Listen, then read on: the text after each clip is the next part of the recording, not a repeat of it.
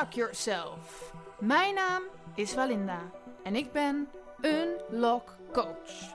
In deze podcast deel ik mijn levenslessen over zingeving, spiritualiteit, mindset, gezondheid, zelfontwikkeling, expressie, kunst en nog heel veel meer.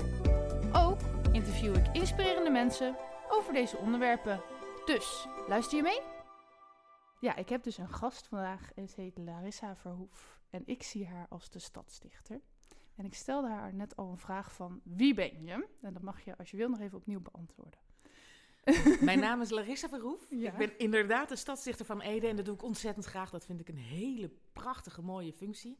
Die doe je voor drie jaar, eh, maar ik heb een extra corona- corona-verlengingsjaar gekregen. Dus ik mag het nog een jaar eh, langer zijn. Dat vind ik heel fijn. Eh, ik ben natuurlijk ook gewoon een vrouw, een meisje soms, een, eh, een vriendin. Eh, ja, sta vol in het leven. Maar als je echt vraagt wie ben je, dan ben ik toch geboren als schrijver. Mijn moeder zei niet heel lang geleden dat toen ik nog niet kon schrijven, dat ik al schreef. Dus dat ik al op briefjes aan het krabbelen was. En, Oh ja. Maar dat ik het heel belangrijk vond dat ik ook kon schrijven. Dat, dat is een van de eerste dingen die ik dus wilde als kind. Eh, dus het schrijven is, eh, ja, is wel wie ik ben. Ja, daar herken je het meest in.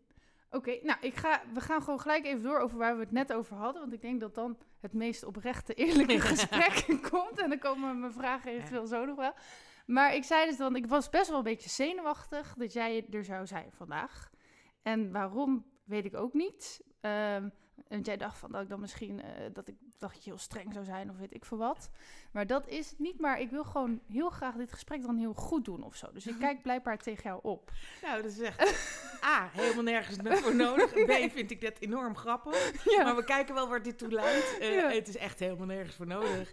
Ik ken jou namelijk, en dat, dat heb ik net ook gezegd, maar Ja. dat ga ik gewoon even herhalen. Eh, je bent een, een vla- fladderende vlinder die door allerlei festivals en Ede eh, Mhm. dwarrelt. Ik kijk heel graag naar je, of je nou als een zigeunerin dat doet, eh, eh, of eh, als singer-songwriter. De bühne is je huis.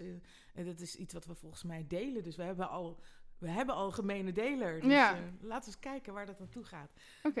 Ik vind het grappig. ja.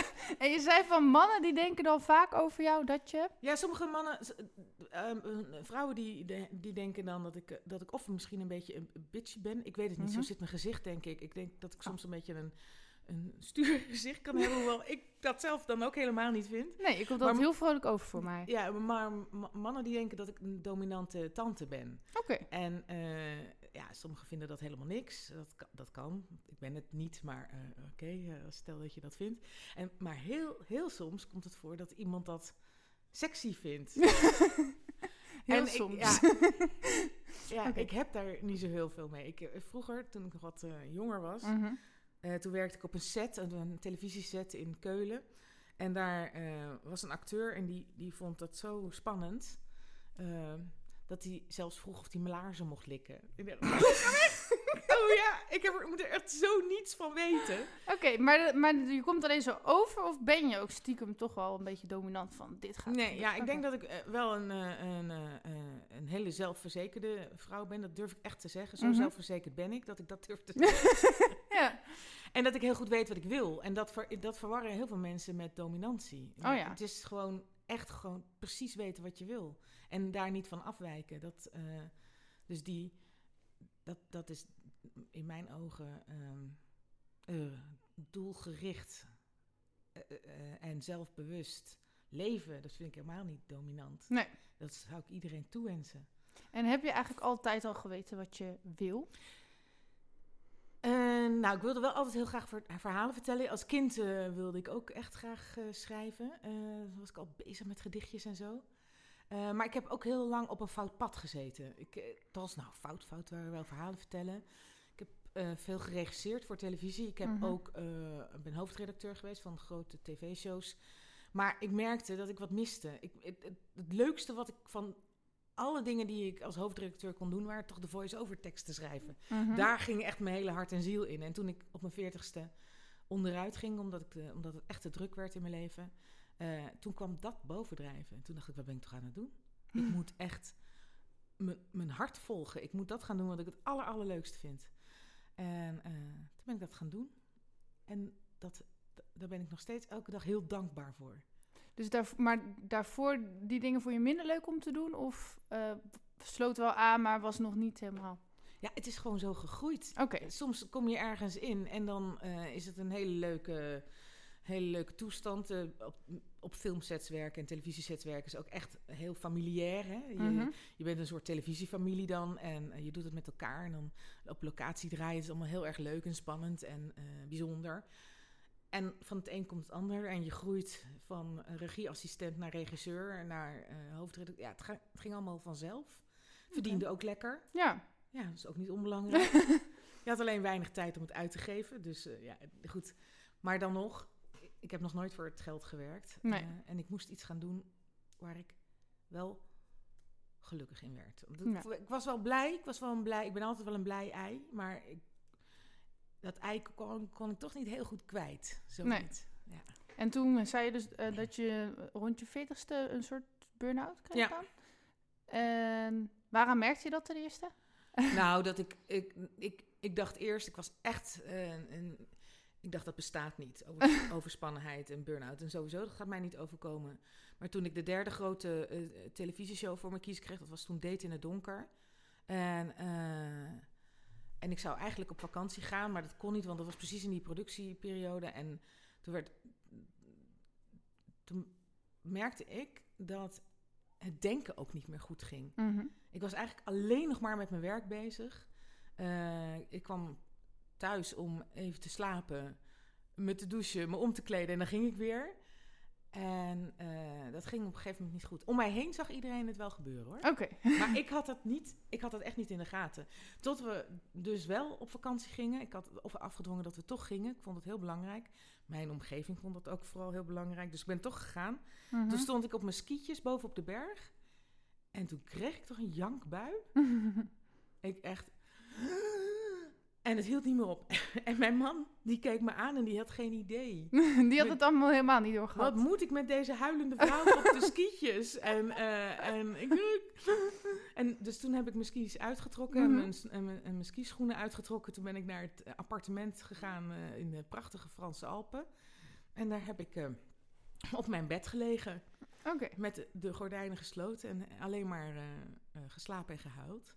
Toen dacht ik, nou, dit is niet eh, goed. Dit Nee. is, hier is iets. Toen ben ik naar de dokter gegaan en de dokter gaf me een brief mee.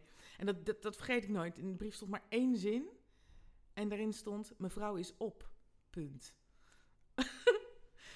en die heb ik nog, omdat Mhm. ik dat een hele eh, prachtige, zeer korte, to the point Ja, dat is wel een snelle diagnose. Ja, en, maar het was ook niet, niets meer en niets minder dan dat. Het Nee. was mevrouw is op, punt. Kijk maar wat je ermee doet. En eh, toen heb ik tweeënhalf, drie maanden, eigenlijk veel te kort nog, thuis gezeten. En eh, goed nagedacht over wat ik dan wel wilde. En in het begin wist ik dat niet, omdat, omdat je denken staat dan uit. En, Ja, je moet eerst gewoon herstellen. ja, het is echt een reset. Echt alsof je een complete syntax error maakt. Dat al die synapsen en zenuwbanen in je hoofd, die doen het gewoon niet meer. Je slaapt niet regel, alle regelmatig uit je leven. eh, eh, ik kon om, om drie uur s'nachts opstaan. Ik, ik kon echt niets meer. Ik wist Mhm. niks. eh, en dat moest eh, gereset worden. Maar ik kan daar wel van zeggen dat het een van de betere, eh, wat daaruit is gekomen, echt fantastisch is. Ja, Dus ik moest echt rock bottom gaan om te weten, om, te, om bij mijn kern aan te komen. ja. Daar ben ik nog steeds dankbaar voor. mooi. En hoe, hoe ben je dan toen uitgerust? Gewoon slapen? Of had je ook nog andere dingen? Ja, slapen en, en therapie. Ik, ik moest elke week twee keer naar een eh, psycholoog. En eh was ik een beetje tegendraads in het begin. Want ja, ik ben heel slim, dus ik vond dat, dat ik dat allemaal zelf wel wist. Mhm. En ook eh, had ik echt niemand anders voor nodig. Nou, dat was zo niet waar. Het was ook zo fijn om eens eh, uit te vogelen wie je dan bent in het Mhm. leven. Dus dat heb ik volledig omarmd. Na een beetje eerst wat hakken in het zand heb ik het daarna echt omarmd. En dat was ook heel fijn. Ja, Ik ben er een fijner mens door geworden. mooi. Denk ook voor mijn omgeving wel. En hoe kwam je dan toen uiteindelijk achter van... dit is wat ik moet gaan doen? Kwam er een soort boodschap uit de hemel? Nee, ik wist wel dat ik schrijven heel erg leuk vond. Dat wist ik, weet je, eh, als je dan aan mij vraagt, dat doe je echt graag. Dan waren natuurlijk die voice-over teksten. eh, dat, dat vond ik altijd heel fijn. eh, en ik was ook toen nog wel althans nog voor ik, voor ik echt zo'n idiote carrière-tijger werd, ook zelf nog wel aan- aan het schrijven, korte verhalen en gedichten. Ik heb mijn hele leven lang gedichten geschreven, vanaf mijn veertiende denk ik. Dus dat, dat heb ik ook altijd, ben ik ook wel altijd blijven doen. Maar toen kwam erachter dat ik dat eigenlijk als liefste zou willen doen. Nou, dichter worden in Nederland, dat is niet echt aan te raden. Nee. Want dan krijg je twee consumptiebonnen en een flesje wijn. Nou ja, je bent gewoon een dichter, maar om ervan te leven. Nee. er kunnen er een paar, een paar, een paar grote. Ja. eh, eh, bijvoorbeeld Ramsi Nasser, die ik echt Mhm. heel fantastisch vind. Die kan ook echt wel leven. Maar die doet ook nog zoveel andere Ja. dingen. Dus toen dacht ik, oké, ik ben een dichter, maar ik ga ook andere dingen doen. En eh, in die tijd ben ik begonnen om een boek te schrijven. En dat eh, ging heel goed. Ja. Toen dacht ik, oh, dat is ook leuk. En uit dat boek, dat had de hoofdredacteur van Vriendin gelezen Mhm. het tijdschrift. En die dacht, oh, die schrijft leuk. Ik ga er eens vragen of ze een column wil schrijven.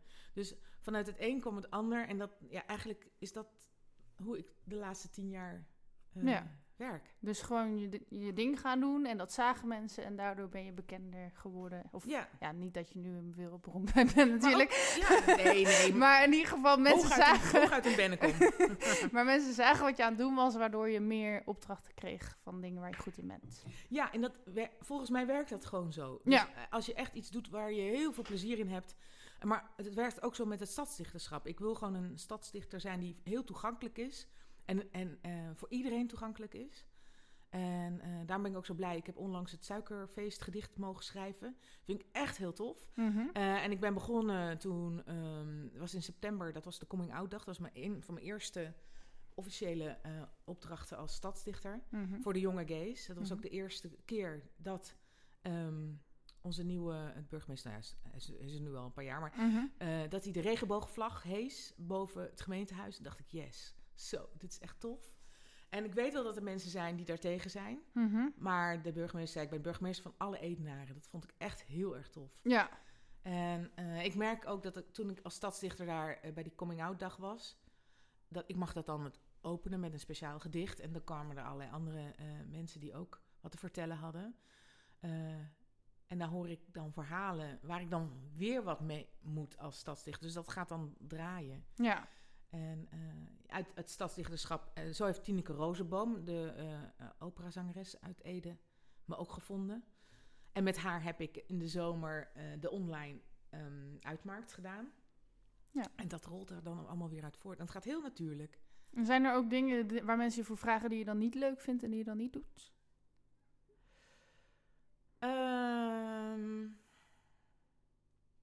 ja, ik zeg wel eens nee.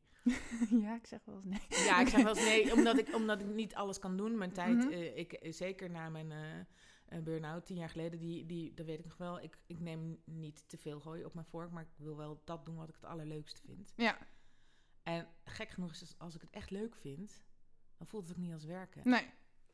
Maar wat, wat voor dingen heb je la, eh, laatst nog nee tegen gezegd? Nee, dat zeg ik niet. Oké, dat snap ik wel. Nee, hoor. maar meer van, eh, ehm, je hoeft niet, niet de concrete opdrachten natuurlijk te noemen, want dan voelt het alsof je mensen nu live afwijst. Nou, Maar meer- eh, ik, ik zeg voornamelijk, en dat klinkt heel gek, Ja. want ik, ik ben helemaal niet tegen. eh, Mhm.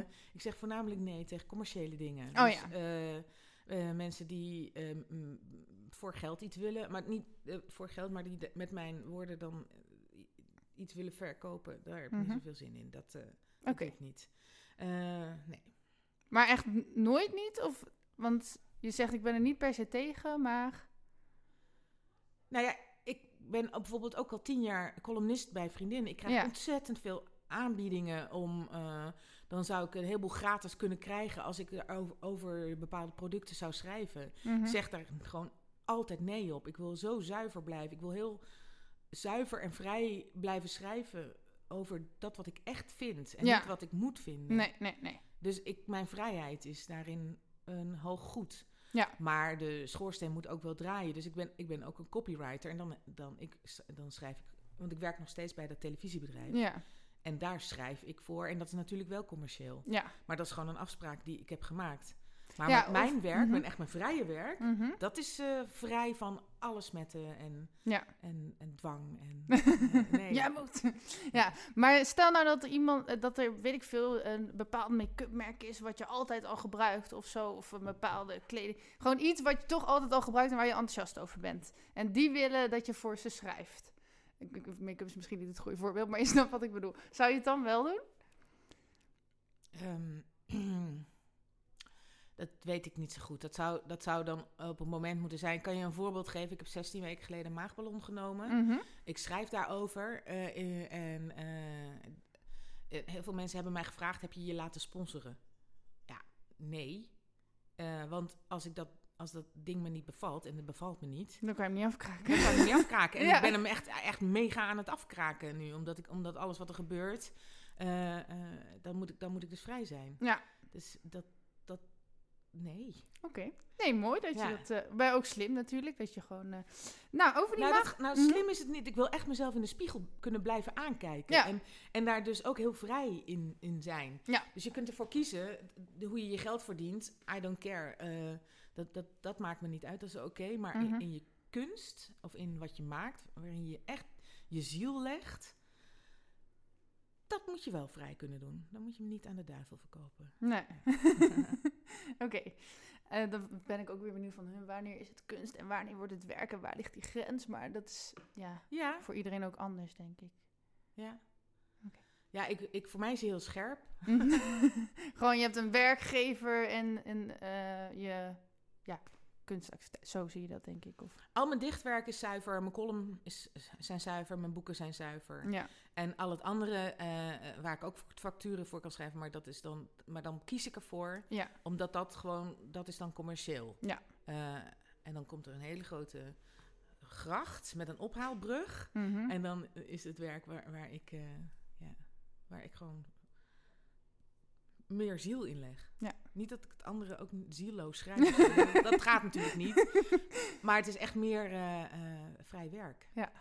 Ik wilde trouwens, want ik had ook vragen over je maagballon inderdaad. Eh, want ik heb wel een paar van je komst gelezen, maar niet alles. Dus hoe staat het daar nou mee? Want die heb je dus, hoe lang geleden ja, begin januari. Ja. Hij is aan het afdalen. en eh, ja, dan was ik eerst wel benieuwd van waarom heb je die laten zetten? Ja, je wilde afvallen waarschijnlijk. Nou, ik ben een volle vrouw. Ik vind het, dat vind, vind ik ook helemaal niet zo erg. Ik vind, Mhm. ik vind mezelf ook wel heel erg mooi zo. Dus ik heb ook geen klachten thuis. Ik heb nog nooit klachten gehad. Eh, dus daar gaat het helemaal niet om. Het, is, het gaat vooral om, eh, om twee dingen. Ik ben heel ziek geweest. Mhm. Ik heb een eh, borstkanker gehad. Mhm. En dik zijn en die ziekte gaan niet goed samen. Mhm. Dus dat is één ding waardoor ik denk van, wordt het niet eens tijd? En toen brak corona uit. En wat zag ik allemaal op die IC liggen? Gewoon echt volle mensen. Dus als je dan vol bent en je krijgt corona, dan heb je, heb je gewoon een soort dubbel pech. Eh, dus ehm, ik had daar heel erg aan te knabbelen, aan die beelden die ik zag. En ik hang heel erg aan het leven. Maar ik weet niet zo goed hoe het moet. Ik heb van alles geprobeerd. Dus ik heb in september, eh, ik, heb, ik heb er ook boeken over volgeschreven. Ik heb worstel er best wel lang mee. Maar ik dacht in september, ik ga het proberen tot december om een bepaald, bepaalde kilo's te verliezen. Ja. En dat lukte gewoon niet, wat ik ook deed. Hm. Ja, heel veel mensen zeggen, oh, dan eet je toch minder, beweeg toch meer, is super makkelijk. Dan denk ik, ja, de, zo lus ik er ook nog wel drie. Mhm. Eh, als het zo makkelijk zou zijn, dan, eh, dan was ik hartstikke dun. Ja. Het is echt moeilijk.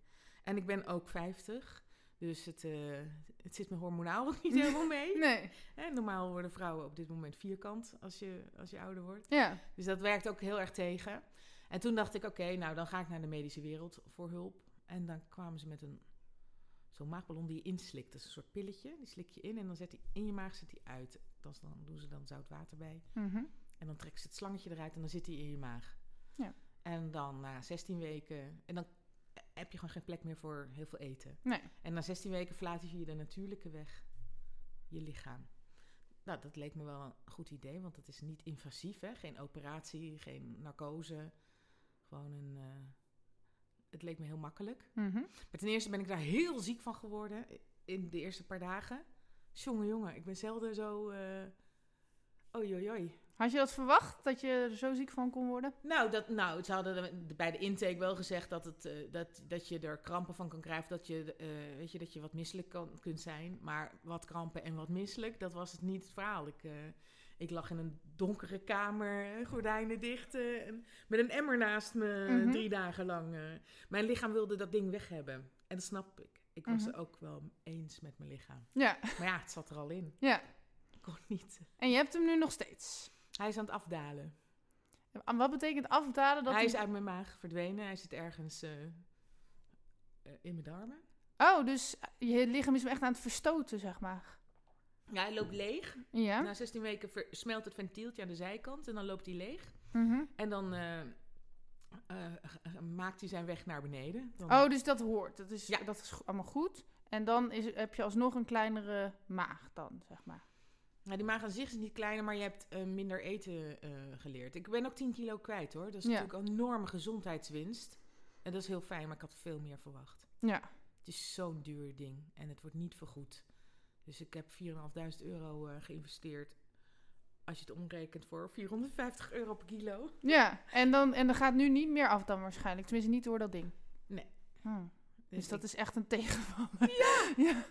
Ja, Oh, heftig. had ik niet verwacht. Nee. En ik had wel gebeld en zei ze, ja, uw leeftijd speelt ook wel mee. Maar, zeg maar dat, dat had je dan ook bij de intake wel kunnen zeggen. Ja, dat is gewoon hè? een beetje alsof je bent opgelicht, zeg maar. Nou ja, dat kan ik dus niet, want de eh, 10 kilo is wel 10 kilo. Ja, ja.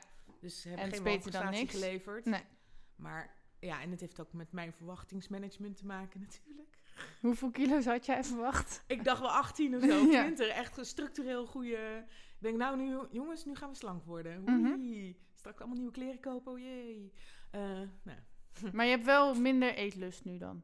Ja, ik heb minder eetlust en ik ben echt 10 kilo. Ik merk dat wel heel erg. Ik merk Ja. wel dat het gewoon 10 kilo is. Gewoon een hele wiel kaas. Mhm. Weet je, zo'n groot wiel kaas wat je bij de kaashandel ziet. Dat hoef ik niet meer in mijn rugzak mee te nemen. Nee. Dus dat scheelt.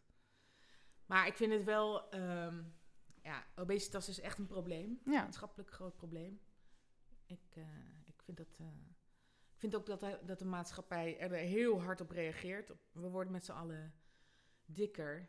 Maar als je soms mensen hoort hoe ze daarover denken, poeh hé, Mhm. ik heel heftig. Ik denk dat ik daar zelf misschien ook nog wel soms te... Ja, hoe zeg je dat?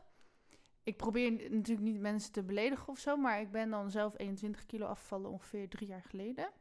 Eh, zelfstandig. Ehm, nou, dat was niet makkelijk, maar het is me wel gelukt, maar. Echt. Maar ik denk dat ik daar soms dan misschien wel weer te makkelijk over denk of praat van dat dat voor iemand anders ook wel moet kunnen. Terwijl, ja, ik weet niet of het voor jou moeilijker is dan voor mij. Zeg- waarschijnlijk wel, want ik ben jonger, zeg maar. ja. Maar daar kan je natuurlijk niet over oordelen.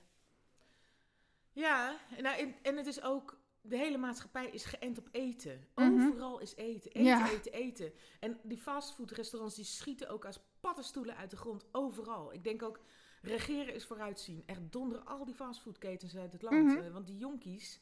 eh, ik bedoel, of ik nog te redden ben, dat zullen we nog wel zien. ik heb de strijd nog niet opgegeven, maar, maar stel dat je echt jong bent en je, en je leert dat de wereld bestaat uit eh, Whoppers en Big Macs en de- dat dat je eten is en je eetpatroon, dan leg je toch een zo slechte basis voor later. Mhm. En wat mijn struggle en mijn worsteling, dat gun ik gewoon de jonkies niet. Nee.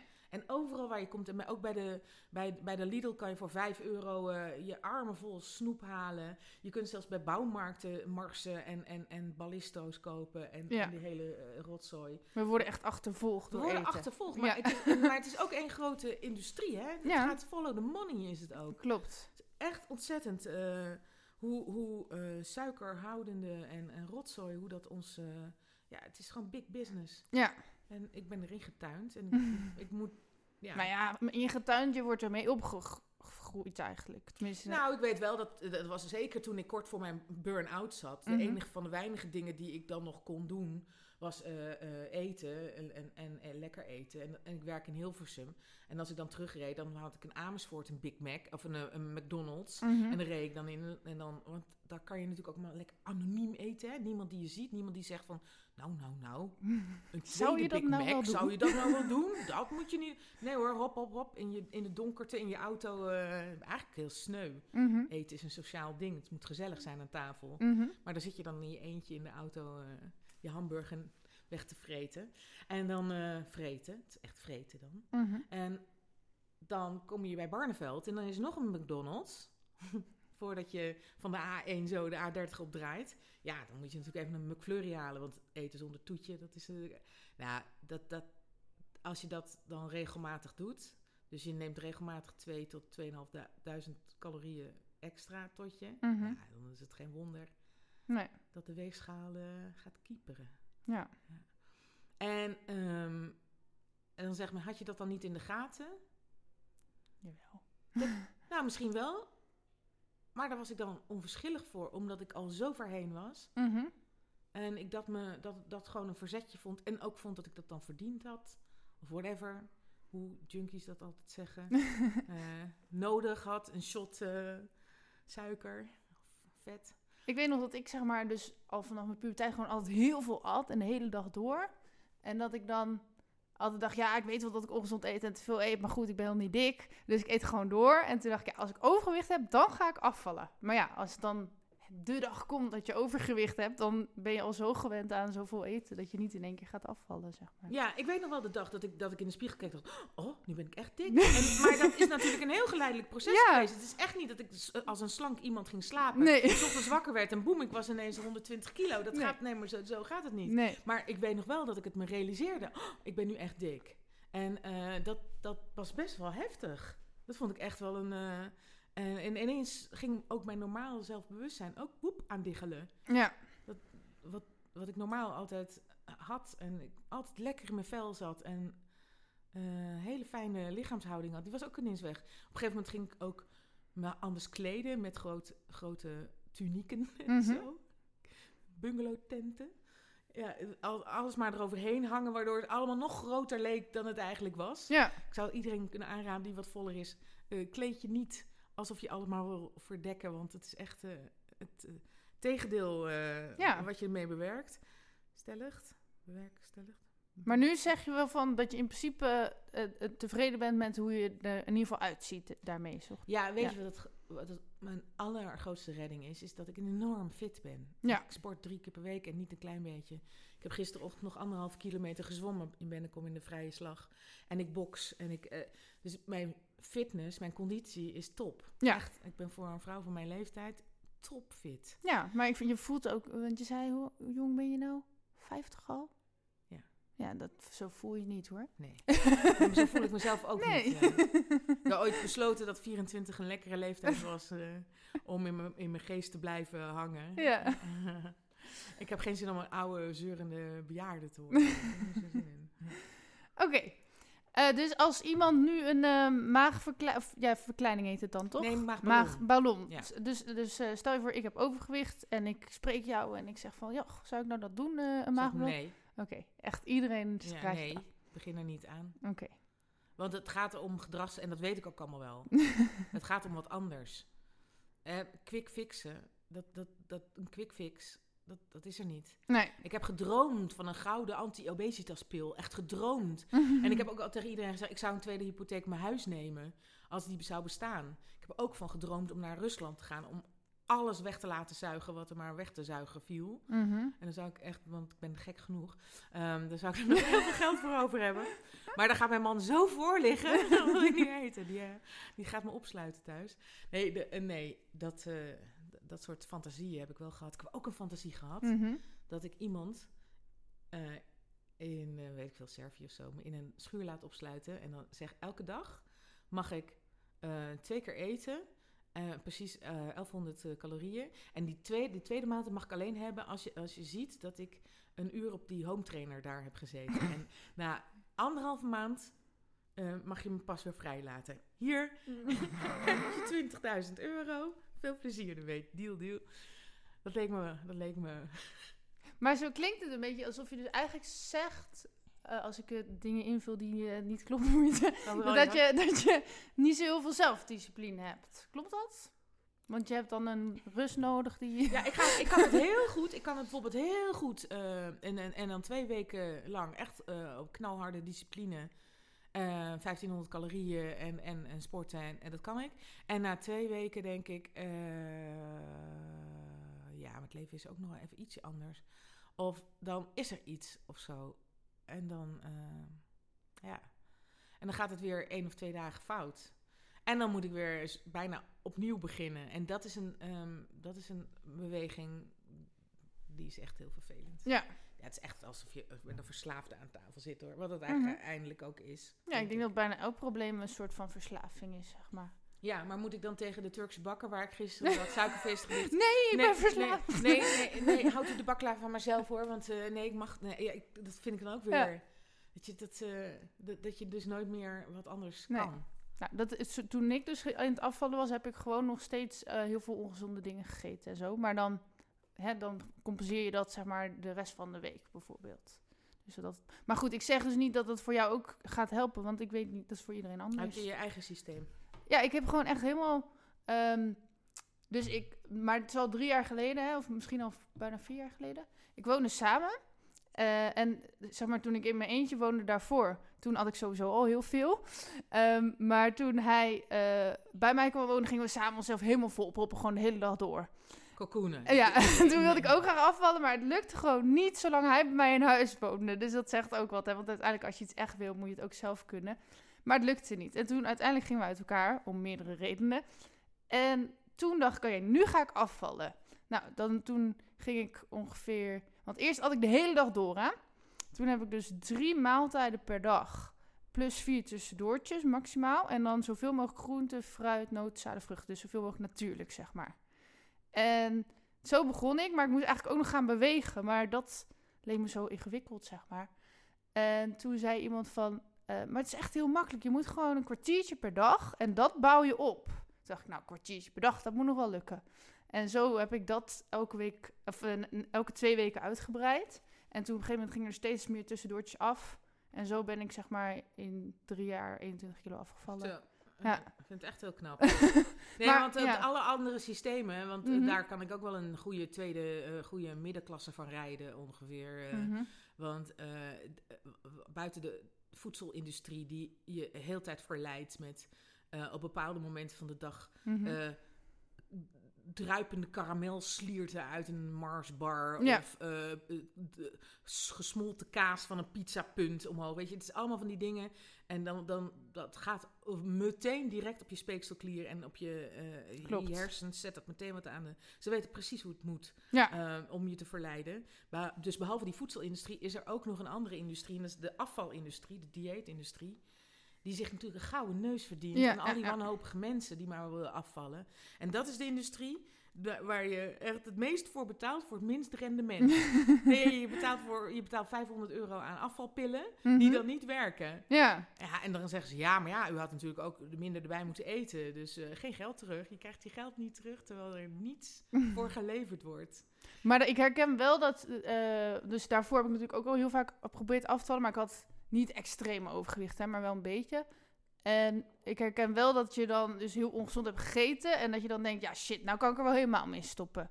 Maar de afgelopen jaren was dus mijn mindset van, ook al ga ik een keer helemaal los, als ik maar telkens weer opnieuw begin met afvallen. En dat is de enige manier. Dus dat Ja. je jezelf gewoon telkens vergeeft. Ja, dat is wel eh, heel knap. ja, Dat kan jij denk ik beter dan ik. ik weet het niet. het is geen wedstrijdje. Nee, nee, nee, nee, het is zeker geen wedstrijd. Nee. Nee, maar het is ook eerder dat ik, dat ik denk van, oh, ik luister eigenlijk heel goed hoor. Ja. Nou, als je namelijk eh, dus in staat bent 21 kilo te verliezen, Mhm. dan heb je mijn volkomen, mijn complete, totale aandacht. Oké. Want dan Ja, wil ik eigenlijk wil ik alleen maar weten. ik wil ook weer niet jouw pijn doen van, haha, mij is het wel gelukt. Nee, oh nee, oh nee, nee, zo zit ik ook niet in elkaar. Ik hou Ja. niet van vergelijken. Nee, Daar- en ik weet ook niet, zeg maar, als ik ouder was geweest, of het dan moeilijker was of zo. Ik hou niet van vergelijk- vergelijken, maar ik hou wel van inspireren. Ja. Dus ik denk, oké, het- misschien is het ook wel zo. Ja. dat, eh, zal, het, zal het de komende dagen gaan toepassen. ja. Maar, voor, het is, maar het is vooral niet te veel boos zijn of je schuldig voelen, want dat zorgt er weer voor dat je gaat eten. ja. Nou, omdat ik dat boek... Ik heb een boek geschreven, Ja. Vette Pech. Dat gaat Mhm. over... eh, want ik vond niks in de bibliotheken en of, of op, op internet. Ik wilde weten hoe anderen met hun obesitas omgingen. Ja, Eh, en ik vond gewoon niks. Ik, eh, er, is geen, er zijn allerlei dieetboeken, er zijn eh, kookboeken, er zijn allerlei doktoren die er van alles van vinden. Maar ik vond niet een, een, een, een boek van iemand die geschreven had hoe, hoe zij of hij het vond om dik te zijn. En hoe hij of zij uit die klauwen van overeten was ontsnapt. Eh, dus toen dacht ik, nou, dan schrijf ik het zelf. En dat heette Vette Pech. Ja. En dat is echt, eh, dat ging heel goed. Dat was echt, eh, daar was ik ook zo blij mee. En daar, daardoor ging ik ook het land in, een beetje lezingen geven. En in Drenthe ook, ben ik ook een paar keer geweest. Dat is overigens de dikste provincie van Nederland. Oh. Ja, omdat daar heel veel all-you-can-eat schuren zijn. Hm. En dat vinden de Drenthe prettig. Want dan kan je voor, wei- voor weinig, voor weinig heel veel eten. Dus, ja, en dat is prettig. Ja. En, eh, maar dat is natuurlijk ook een gevaar. Ja. Als jij voor 21,95 euro twee uur lang je helemaal vol kan stouwen, dan zeggen de meeste mensen: oké, dan ga je helemaal proppen. Ook al heb je dan geen honger meer. Je hebt die, die balie nog niet gehad waar de, eh, de sushi ligt. Je hebt die balie nog niet gehad met de snackies. En die moet overal eh, van proeven. Mhm. Ja, dat, als je dat doet en als dat je vorm van uit eten is, ja, geen wonder dat je dan poep. Ja, en de- maar dat is dus ook met eten. Het is echt een cultureel iets. Ehm, dus het hangt ook heel erg eh, van de mensen met wie je omgaat af, zeg maar. Als jouw hele familie en al je vrienden de hele dag zichzelf vol eten... ja, ga dan maar eens in je eentje eh, op dieet. Dat gaat haast niet. Ik kom uit een Bourgondische familie. Ja. Ja. mijn, vader was in, mijn vader was ook echt, als er gasten kwamen, dan moet alles op tafel. Lekker kaasjes en mooie wijn en zo. Maar echt, echt mooie dingen. En, en, en, en speciale worstjes. En mm, iedereen moet proeven en, en het goed hebben. En de wijnglazen moeten vol blijven. En weet je, laten we met z'n allen een gezellige avond van maken. Zo ben ik opgevoed. ja, dat is ook superleuk. Ja, heel Toch? erg leuk. Ja. Alleen, de- ja, het heeft ook zijn keerzijde. het heeft zeker zijn keerzijde. en, eh, We hebben het eigenlijk gewoon te goed in deze maatschappij, zeg maar. Ja, Op dat gebied dan, hè? Ja. ja, maar wat ik bijvoorbeeld in de lezingen in Drenthe heel veel hoorde, dan ging ik er zitten en dan, Mhm. dan zaten er 16, 17, eh, meestal vrouwen Mhm. overigens. Eh, ook wel wat mannen hoor, want een man, ver- vergis je niet, een dikke man is ook niet fijn, vindt het ook niet fijn dat hij Nee. dat hij dik is. Eh, en dan gingen we heel eerlijk erover praten. En dan hoorde je verhalen, joh. Echt. Over vrouwen die eh, hun chocola verstopten in de droogtrommel. omdat dan toch niemand naar keek. Want niemand anders deed de was. Dus die hadden allemaal van die verstopplekken voor hun eten. Nou, het was echt... Ja, alsof je als alcoholist een soort, je vodkafles in de wasmand stopt. Dit of was gewoon een soort eh, therapiegroep voor... Ja, maar, Mensen ik vind dat, ja, maar dat vind ik ook. We moeten Ja. erover praten. Ja. En, en ook van elkaar leren en elkaar Mhm. inspireren. Hoe doe jij het? Hoe doe ik het? Eh, eh, oh, en eh, heel vaak hoorde je... Oh, ik ben dus helemaal niet gek. Ik, de, want heel vaak denk je... Mhm. de- denken mensen... En denk ik, dacht ik in ieder geval Mhm. ook... Ik ben een beetje gek, want... eh, ik, er is niemand die dat zo heeft zoals ik. Nee. Eh, Maar is het dan het gevaar niet dat je dan zoveel mensen ontdekt die hetzelfde hebben, dat je het zo accepteert dat je er gewoon mee doorgaat? Of dat je elkaar misschien zelfs wel heel zielig vindt, maar daar dan niet uitkomt? Ja, misschien. Eh, Daar heb ik nog nooit zo over nagedacht. Oké. Mij heeft het altijd wel geïnspireerd om, eh, om te blijven vechten voor een obesitasvrije omgeving. Hier in de gemeenteraad is nu ook, wordt, wil ze weer een Burger King. En ik, daar ben ik dus echt op tegen. Ik wil Mhm. het allerliefst alle schreeuwzuilen uit Nederland. Hè, van die schreeuwzuilen waar kinderen allemaal Happy Meal gaan schreeuwen. eh, op de snelweg met 130. Eh, ik, ik, ik wil het allerliefst dat kinderen op school leren over gezond eten. Dus ik heb wel een vrouw met een missie. En natuurlijk wil ik zelf ook een gezond gewicht. Ja. Eh, want ik wil die worsteling niet dat andere mensen dat ook hebben. Nee, het is niet zo dat ik, dat ik me in slaap laat sussen door de alle verzamelde dikke mensen van Nederland. Dan een- hamburgers Want het is allemaal niet zo erg. Het is allemaal niet zo erg. Zullen we nog een bitterbal nemen? Nee, dat doe ik niet. Gelukkig. Nee. Oké. Nee. Ehm, Want iedereen Mhm. die dik is, wil het veranderen. Geloof me maar. ja. Ik ken echt de, de, ja, maar ze- dus sommigen roepen wel van ik ben er trots op en zo, maar... Als Ja, ze zouden mogen, als ze echt Ja. morgen de slank zouden zijn, zou denk ik iedereen op de rode knop drukken. Ik denk het ook. En stel dat er 1% is die, dat, die dan echt hun lichaam dik mooi vindt, zeg maar. Eh, want ik, trouw, ik vind soms volle vrouw wel heel mooi. Maar, eh, dus het is niet per se van, je moet... De, eh, maar hoe zeg je dat? Wat wil ik nou zeggen? Nou, nu weet ik niet meer wat ik over wou zeggen. Die ene procent, die dus in ieder geval dat lichaam wel echt heel mooi vindt vol... Die, die wil alsnog natuurlijk wel liever gezonder zijn. Ja, nou, het gaat voor mij ook namelijk voornamelijk om gezondheid. Ja. Ik ben nooit echt heel slank geweest. Mhm. Niet, nooit echt maatje 38, altijd maatje 40, 42. Ja. En dat vond ik gewoon wulps en lekker. Ja. Grote, Mooie borsten, taille en dan een billen en zo. Ik, en een zandloperfiguurtje. Mhm. Ik vind dat heel mooi. Ja, is Heel ook. vrouwelijk. En, eh, en eh, ik, mijn man vindt dat ook echt, weet je, het is allemaal helemaal oké. Ja. Eh, dat vind ik ook niet het grote probleem. Het gaat Mhm. echt om die gezondheid. Ja. Omdat als je in het...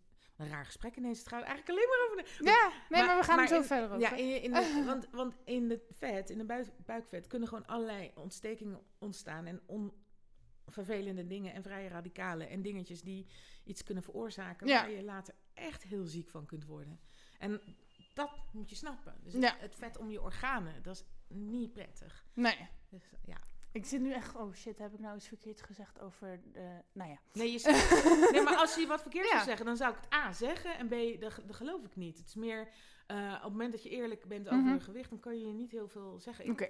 Nou, in ieder geval, dan heb ik in ieder geval mijn vork uitgesproken dat ik dus zelf, dus dat zegt alleen iets over mij, dus sorry als ik iemand heb beledigd, dat ik dus zelf iets slanker mooier vind dan als je dus heel vol bent. Maar- Zeker, ja. ja. ik ook. Maar er zullen misschien mensen zijn die het dus wel mooi vinden, maar het gaat uiteindelijk dus niet om mooi, maar om je gezondheid. Ja, en slank in de zin van, eh, als ik maatje 40, 42 zou, eh, zou hebben, jongen, jongen, jongen, daar zou ik echt een moord voor doen hoor. Ja. Dan zou ik echt, eh, want dan hoef ik er, want dat is het ook misschien. Mhm. En dat is wel een mooi einde van dit hele verhaal. Ja. Dan hoef ik er niet meer zo over na te denken. Dan hoef ik er niet meer zo mee bezig te zijn. Ja. Want ik zou zo graag willen loslaten dat alles wat ik in mijn mond stop, of dat ik over moet denken of het wel goed is of niet goed is. Ja. En of ik er wel, eh, eh, of, ik, of ik dan wel of niet op het pad blijf. Of ik er wel of niet. eh, Maar dat heb ik nu dus, eh, dat ik, ik denk nog steeds de hele dag na over mijn eten, maar ik vind dat niet vervelend of zo. Maar ja, ik, eh, als ik nu iets ongezond eet, dan eh, ben ik ook niet morgen opeens heel dik natuurlijk. nee. Ehm, maar in ieder geval, ja, dus ik, voor mij voelt het juist vrij dat ik nu de controle over heb, maar ik ben er wel veel mee bezig. ja, nou, ik zou heel graag, heel, ik zou gra- heel graag, Mhm. echt heel graag daar vrij van willen zijn. Ik geloof dat dat mijn liefste lievelings, eh, dat ik daar niet meer over hoef na te denken. oké. Als je, hè, er komt een, er komt een tovervee langs, die geeft je drie wensen. Dan, dan zou ik er maar één hebben. Ja. Ja. Ik zat trouwens ook nog met de corona. Dan eh, ha- hadden ze dus wel telkens die McDrive open. En, de... Ja. en toen dacht ik echt van, nou, je- ja, dat vond ik zo stom. Van de, we willen allemaal gezonder. En eh, er is er een levensgevaarlijk virus en weet ik veel wat. Ja. Maar de dingen waar je ongezond van wordt, die laat je open. Dus toen had ik al bedacht van, eh, eigenlijk zouden ze in de, in de speech van wat we allemaal wel of niet mogen, zouden ze eigenlijk moeten zeggen van, ga allemaal eh, vitamine C slikken en ga dit en dit doen. En toen dacht ik, en doe dan in de McDrive, doe dan iets waar je iets gezonds kan halen of zo. Of dat je daar kruiden kan halen. Of... Ja, bij de McDrive z- zeiden ze ook, eh, want ze hebben natuurlijk disclaimers Ja, keer duizend. We hebben ook salades. Maar als je die dressing neemt, kan je net zo goed een Big Mac nemen. ja. Ja, er zitten ook 450 calorieën in die dressing. Nee, maar ik dacht, je moet dus gewoon die hele fastfood sluiten. Maar dan in plaats van dat een gezondheidsketen neerzetten waar je dan snel kunt halen. Ja, of, wel, of eh, multivitamine of bepaalde kruiden of iets wat heel gezond voor je is. Of gewoon, eh, weet ik veel, eh, verband als je een gebroken arm hebt. Maar dat je zeg maar een gezondheidspost hebt waar je langs kan rijden. Maar even een shotje well-being Ja, halen. Of ja. even een massage. Of, Ja, ik vind het ook echt heel erg dat de, dat de sportscholen eh, zo lang gesloten zijn. Ja. Want daar bouw je conditie op. ja. En ik vond het ook heel erg dat de sauna's gesloten waren. Want daar bouw je ook aan je, immunisite- eh, eh, immuunsysteem. ja. denk ik, ja, als, mensen, als je mensen echt gezond wil houden. En, ja, en dan in plaats van die regels wat je allemaal niet meer mag, de hele tijd regels geven van nu mag je dit en dit en dit eh, wel doen. Dus vandaag gaan we allemaal met, eh, aan de vitamine C. Vandaag gaan we allemaal eh, Ja. een rondje buiten lopen. Ja. Dat zou eigenlijk ook wel leuk zijn. ik geloof dat ze dat in Nederland te betuttelend zouden vinden. Ja, maar dingen die niet mogen is misschien nog wel meer betuttelend. Ja. ja, als, het, als het vrij is om alles te kunnen pakken wat je wil, om Mhm. alles te kunnen eten, je hebt genoeg geld, je hebt, eh, er is niks meer. En, eh, vroeger, vroeger mm, eh, oude doos. Maar goed, Ja. ehm, kreeg ik op woensdagmiddag, want dan was het, hè, was je vroeg uit school, kreeg ik één bakje chips, één bakje chips en een, glaasje ranja. Nou, dat was het feest hoor. Dat is echt feest. ja. En heel af en toe op zaterdag, want dan was er, dan was er een grote show op televisie. Eh, weet ik veel, zeg ik echt wel hoe oud ik ben. Mhm. Dat was, Hadden we al gezegd, hè? Dus Ja. maakt niet uit. nee, was dan Mies Bouwman eh Telebingo of zo. En, dat was, en daar zat je dan, want er waren maar drie zenders. Daar zat je dan met het hele gezin en dan ging je kijken en, en met, je, met je gewassen haartjes. En dan kreeg je ook een bakje chips. Nou, dat waren, dat waren gewoon de highlights. Ja. Snoeptechnisch. Want mijn moeder zat er heel erg op. Hè? Mijn moeder Ja. heeft wel altijd gezond eten. Maar bij de feesten pakte mijn vader gewoon eh, altijd uit. Oh ja. En mijn vader nam ook wel eens mee. Dan gingen we eh, eh, even wat eten en daar wat eten. Ja, Ja, dus vroeger was het nog wel bijzonder, maar tegenwoordig word je gewoon helemaal je kunt gewoon alles kopen wat Ja. je wil. En als je alles kunt kopen wat je wil, en mensen zijn opportunisten, dan kopen wij alles wat we willen. En, en als we lekker willen eten, gaan we toch lekker eten. Eh, dus niemand die zegt dat je. Ja, maar eigenlijk zijn we ook gewoon een soort dieren. En in de natuur, als het dier eten heeft, gaat hij zich ook helemaal volproppen. Ja. Dus dat is gewoon logisch. Oké, ik was nog benieuwd. We gaan naar een ander onderwerp eindelijk. Want ik ben dus echt heel veel meer dan. ja, ik weet het, ik weet het. Maar ik lijf. vind dit zelf ook gewoon een interessant onderwerp, omdat het wel over gezondheid gaat. Ja. Omdat ik zelf ben afgevallen. Ehm, nou ja, en omdat ik denk dat er dus in ja, meer gezondheidsbewustzijn mag komen. Ja, ben ik. Nou, hier, hier. Nee, ik ben dezelfde kerk. Oké. Choir. Yeah! nou, ehm, maar dan gaan we nog wel door op gezondheid. Ja. Maar dan, je had dus een ziekte gekregen, of nu heb je hem niet meer, toch? Nee, ik moet even afkloppen. Ja. Want eh, eh, eh, Klopt met je mee. Nee, ik heb eh, een paar weken geleden een controle gehad en die was eh, goed. Dus Mhm. dat is heel fijn. Nou, nu, vanaf nu zit ik op een half jaar. Dus ik hoef pas ergens in de zomer eh, weer eh, voor controle. Ik heb eh, borstkanker gehad en dat was heel pittig. Ehm, ik ontdekte een bobbeltje. Nee, laat ik zeggen, mijn man ontdekte een bobbeltje. Leven de mannen van de wereld, hè, die goed de borsten inspecteren. Leven de borstliefhebbers en de borstminnaars. Maar hij schrok en hij zei, wat zit daar dan? En, en toen keek ik ook en dacht ik, hè, bobbeltje? De? Eh, nou, dan schrik je. Want bobbeltjes in borsten, die horen er niet. Nee. Dus ik ben naar de Tenminste, dokter gegaan en de dokter schrok ook. Die is me meteen doorgestuurd naar het ziekenhuis. En daar, eh, de- daar hebben ze allerlei tests gedaan. En eh, toen kreeg ik te horen, goed aardig, kun je 100 mee worden. Oh.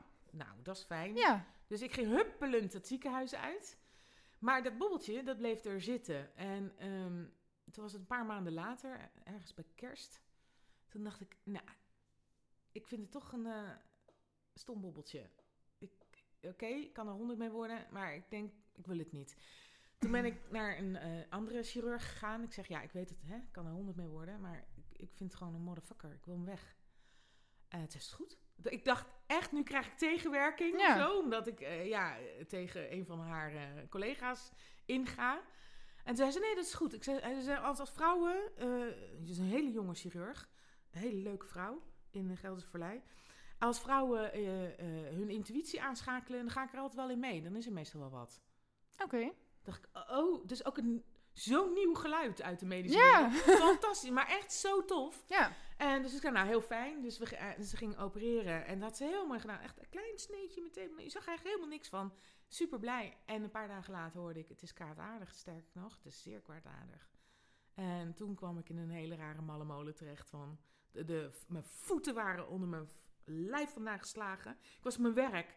Maar ik, ik moest gaan zitten. Ik, eh, ik kon ook even helemaal niks meer. Maar was het al uitgezaaid dan, of dat niet? Dat wisten ze nog niet toen. Oké. Dus toen hebben we tests gedaan. En toen moest ik ook in de MRI-scan en zo. Dus heel raar, want dan, voel je je net een soort van melkkoe. Want dan moet je op je buik gaan liggen. Mhm. Met je borst in gaten. Die dan, eh, ja, het is echt, denk, what the fuck. Het allemaal heel science fiction-achtig. En je zit daar maar in je eentje. eh, en ze zijn allemaal lief hoor. Alle verpleegkundigen zijn, die worden daar wel uit, op uitgezocht. Op, Liefheid. op, op een hoog empathisch gehalte. Ja. Maar je ligt toch alleen in, bij al die grote eh, dingen eh, die er gebeuren. En toen bleek uitzaaiingen. En toen is er besloten tot een amputatie. Dat was een gedeeltelijke amputatie. Dat was zo ver als nodig was. Dus de helft ongeveer eraf. Van rechts. Maar, dit- maar eerst hebben we dus gewoon helemaal niet gezien dat het kwaadaardig was. Nee, het zat ingekapseld in een klier. En eh, eh, in 99% van de gevallen is dat goed aardig. Hm. Behalve deze motherfucker. Hm. Maar ik wilde hem ook niet. Ik was dus echt tegen dat bobbeltje. Snap je? Ja. Ergens iets in mij zei, moet weg. Ja. Ik had het ook graag zelf eruit gelepeld of zo. Weet je? Ik, echt, eh, geef me een mes en dan doe ik het zelf wel. Ja. Als ik weerstand had gehad. Ik, ik, ik wilde dat ding eruit. Ja, en dan kreeg ik dat te horen. Dat was best wel pittig hoor. Ik, eh, en dan dat ik ook echt zei ik, oh maar schat, je bent toch zo'n borstenman? Dat is toch ook voor jou heel erg? Toen zei hij, doe je even gewoon. En Godverdorie, belangrijker dat je leeft. Oké, oké. Ehm, ja, en toen ging het allemaal in een sneltreinvaart. Toen, toen eh, kwamen er een heleboel hele nare tests. Ik, ik zal het, zal het hier Mhm. besparen. En uiteindelijk dus die amputatie. Ja. En daarna nog bestralingen. En eh, daar word je heel, heel, heel moe van. En een jaar na de bestralingen mochten we eh, gaan reconstrueren. Dus dat de borst weer opgebouwd zou kunnen worden. Om het weer een beetje normaal eruit te laten zien. Dus een eh, jaar daarna, ik helemaal blij, ik naar de plastisch chirurg. En die zei, nou, dat gaan we niet doen. Reconstrueren, het is toch prima zo? Nee. En dan moet je zien, ik, heb, ik had anderhalve borst. Hè? Mhm. Eh, A, tuurlijk, tof dat ik nog leef. Ik ben er nog, jongens. Ja, Hoera. dat is het Vlag belangrijkste. Ja. allerbelangrijkste. Maar we hadden een plan gemaakt, Ja. anderhalf jaar geleden. En, en ik ben nogal van, eh, van de plannen. ja, maar sowieso, waarom zo'n chirurg heeft toch niks te zeggen over hoe jouw borsten eruit Nou ja, dat woord berusten, dat schoot zo mijn verkeerde keelgat. Ja. Wie ben jij om te zeggen dat ik moet berusten? Ik vond, vind het ook nog eens een heel soort van religieus woord. Zo, Ja. Berusten, hè? dan is het eh, iemand anders wil. Of Ja. zo. En ik, ik denk, nee, nee, maar nee, nee, dat is niet de bedoeling. Dus toen ben ik op hoge poten naar mijn, eigen chirurg gelopen. Mhm. We hadden toch een plan? En ik, ik vind het eh, berusten. Ik wil helemaal niet berusten. Is toch wel nodig wat. En toen heeft zij mij naar haar ehm, eh, studiegenoot gestuurd in Amsterdam. Aan de VUMC. Een plastisch chirurg. En buiten dat hij ongelooflijk knap was. maar echt, jeetje mina, wat een stuk. Dat je, dat je zegt, hallo dokter. Hi. Oh, jongens, jongens, jongens. Wat een feest. Is die Wil je mijn eh. borsten zien? Ja. dus ik strok met vreugde mijn blouse uit. maar het, is, een- nee, ja, het was een hele leuke man. Ik was eh, in, de, in, de, in, de, in de wachtkamer de meeste mensen deugen Mhm. aan het lezen van, eh, van Rutger Heb ik Bregman. ook gelezen. Ja, en toen... eh, eh, en hij kwam me halen en ik was wat eerder, want hè, ik kom van de Veluwe. Laat Mhm. ik op tijd weggaan, dat ik niet in een... Dus ik zat er al een tijdje en hij kwam de hele tijd mensen halen. En hij dacht de hele tijd dat hij mij kreeg, maar ik... Toen zei ik ook, ja, ik ben, kom van ver. het klonk enorm provinciaals, maar ik dacht... eh, hij zegt, oh ja, nee, dan snap ik het wel. Ja, mooi boek ook, hè? Ja, dat lees ik ook. En dacht, oh, je bent ook gewoon echt, een, je bent ook gewoon echt heel erg leuk. dus, eh, dus, maar dat was heel Dus jij fijn. wilde daar niet meer weg? Nee, ja, en hij keek en zegt, nou, nee, daar gaan we iets heel moois van maken. Hmm. Dus dacht ik, oh, Gelukkig. Thank you. Ja. Echt, dank je wel. Dus, ik, dus toen hebben we dat, die operatie, die reconstructie ingecalculeerd, eh, ingepland Ja. en eh, gedaan. En eh, ja, waanzinnig. Ik heb toen, en dan ben je bij, hè? Je, je krijgt wel eh, narcose, maar je bent wel bij, want je moet dingen zelf bepalen. Mhm. Dan zitten de mensen voor je en die kijken naar je alsof je een schildersdoek bent. En die Ja. gaan dan met, met eh, streepjes zetten ze op je borsten. En dat, dat het helemaal in een lijn is. Want ja, de ene tepel moet natuurlijk niet drie centimeter hoger dan de andere Mhm. tepel zijn. Nee, Eh, dat- dus er wordt helemaal uitge... En het is niet echt een, een tepelzet, maar alleen dat bobbeltje erbovenop. Eh. en, eh, en ze hebben een beetje gevuld en dan zo'n bobbeltje erbovenop. En dat heet nipple sharing. Dat vind ik zo'n zoet, zoetig woord. Zoetig, hè? Nipple sharing. Sharing is caring. en dan ze halen een beetje weefsel uit mijn ene tepel en die zetten ze dan in die andere. Oké. en dan verbinden die zenuwbanen zich weer. En dan heb je dus in alle twee gevoel. Oh, cool. Bizar. Ja. Dus het was helemaal weg. En nu is het er weer en het doet het ook nog. Dus het voelt zeg maar niet anders als je aan je tepels zit. Een beetje anders wel. Een beetje anders dan voorheen. Niet meer zo heftig of zo. Maar dit Mhm. is natuurlijk gedeeld ook. Ja. Het is een soort alsof de... eh, eh, zeg maar 50-50 beide kanten. Ja. Eh, maar het is er gewoon weer. Het Ja. was er niet. Het is ja, alsof je been weer teruggroeit. Stel dat je geamputeerd been hebt, dat je dan je been weer teruggroeit. Mhm. Dat is bij een salamander. Ja, ik was echt... En ik lag daar en ik zie hoe hij met dat rolkrukje om mij heen gaat. Met dat hele kleine stukje tepelweefsel op zijn scalpeltje. En hij zei nog, ik zal maar niet vallen nu. Ik zal maar niet laten vallen nu. dacht ik ook nog, oké, grapjas. En, en hij doet hem, eh, eh, doet hem aan de andere kant eh, erin en naait dicht. En dan zegt hij, kijk maar even. En ik denk, hij geeft me nu een spiegel, zoals, zoals je bij de tandarts krijgt om in je mond te kijken. En toen zei hij nog een keer, kijk maar even. en, en toen- en toen keek ik en dacht ik, oh, toen moest ik huilen. Echt dikke tranen over mijn. eh, en eh, en toen, toen, toen legde hij even zijn hand op mijn, eh, op mijn arm en zegt hij, daar doen we het voor. Ja. dacht ik zo. Huilen, alsof eindelijk na drie jaar lang je adem inhouden en sterk zijn en Ja. Ehm, proberen, ik noem dat altijd mijn vrouwelijke krijger, die goed moet, sterk moet staan Mhm. en alles eh, moet aan, aan moet kunnen, die mocht even weg.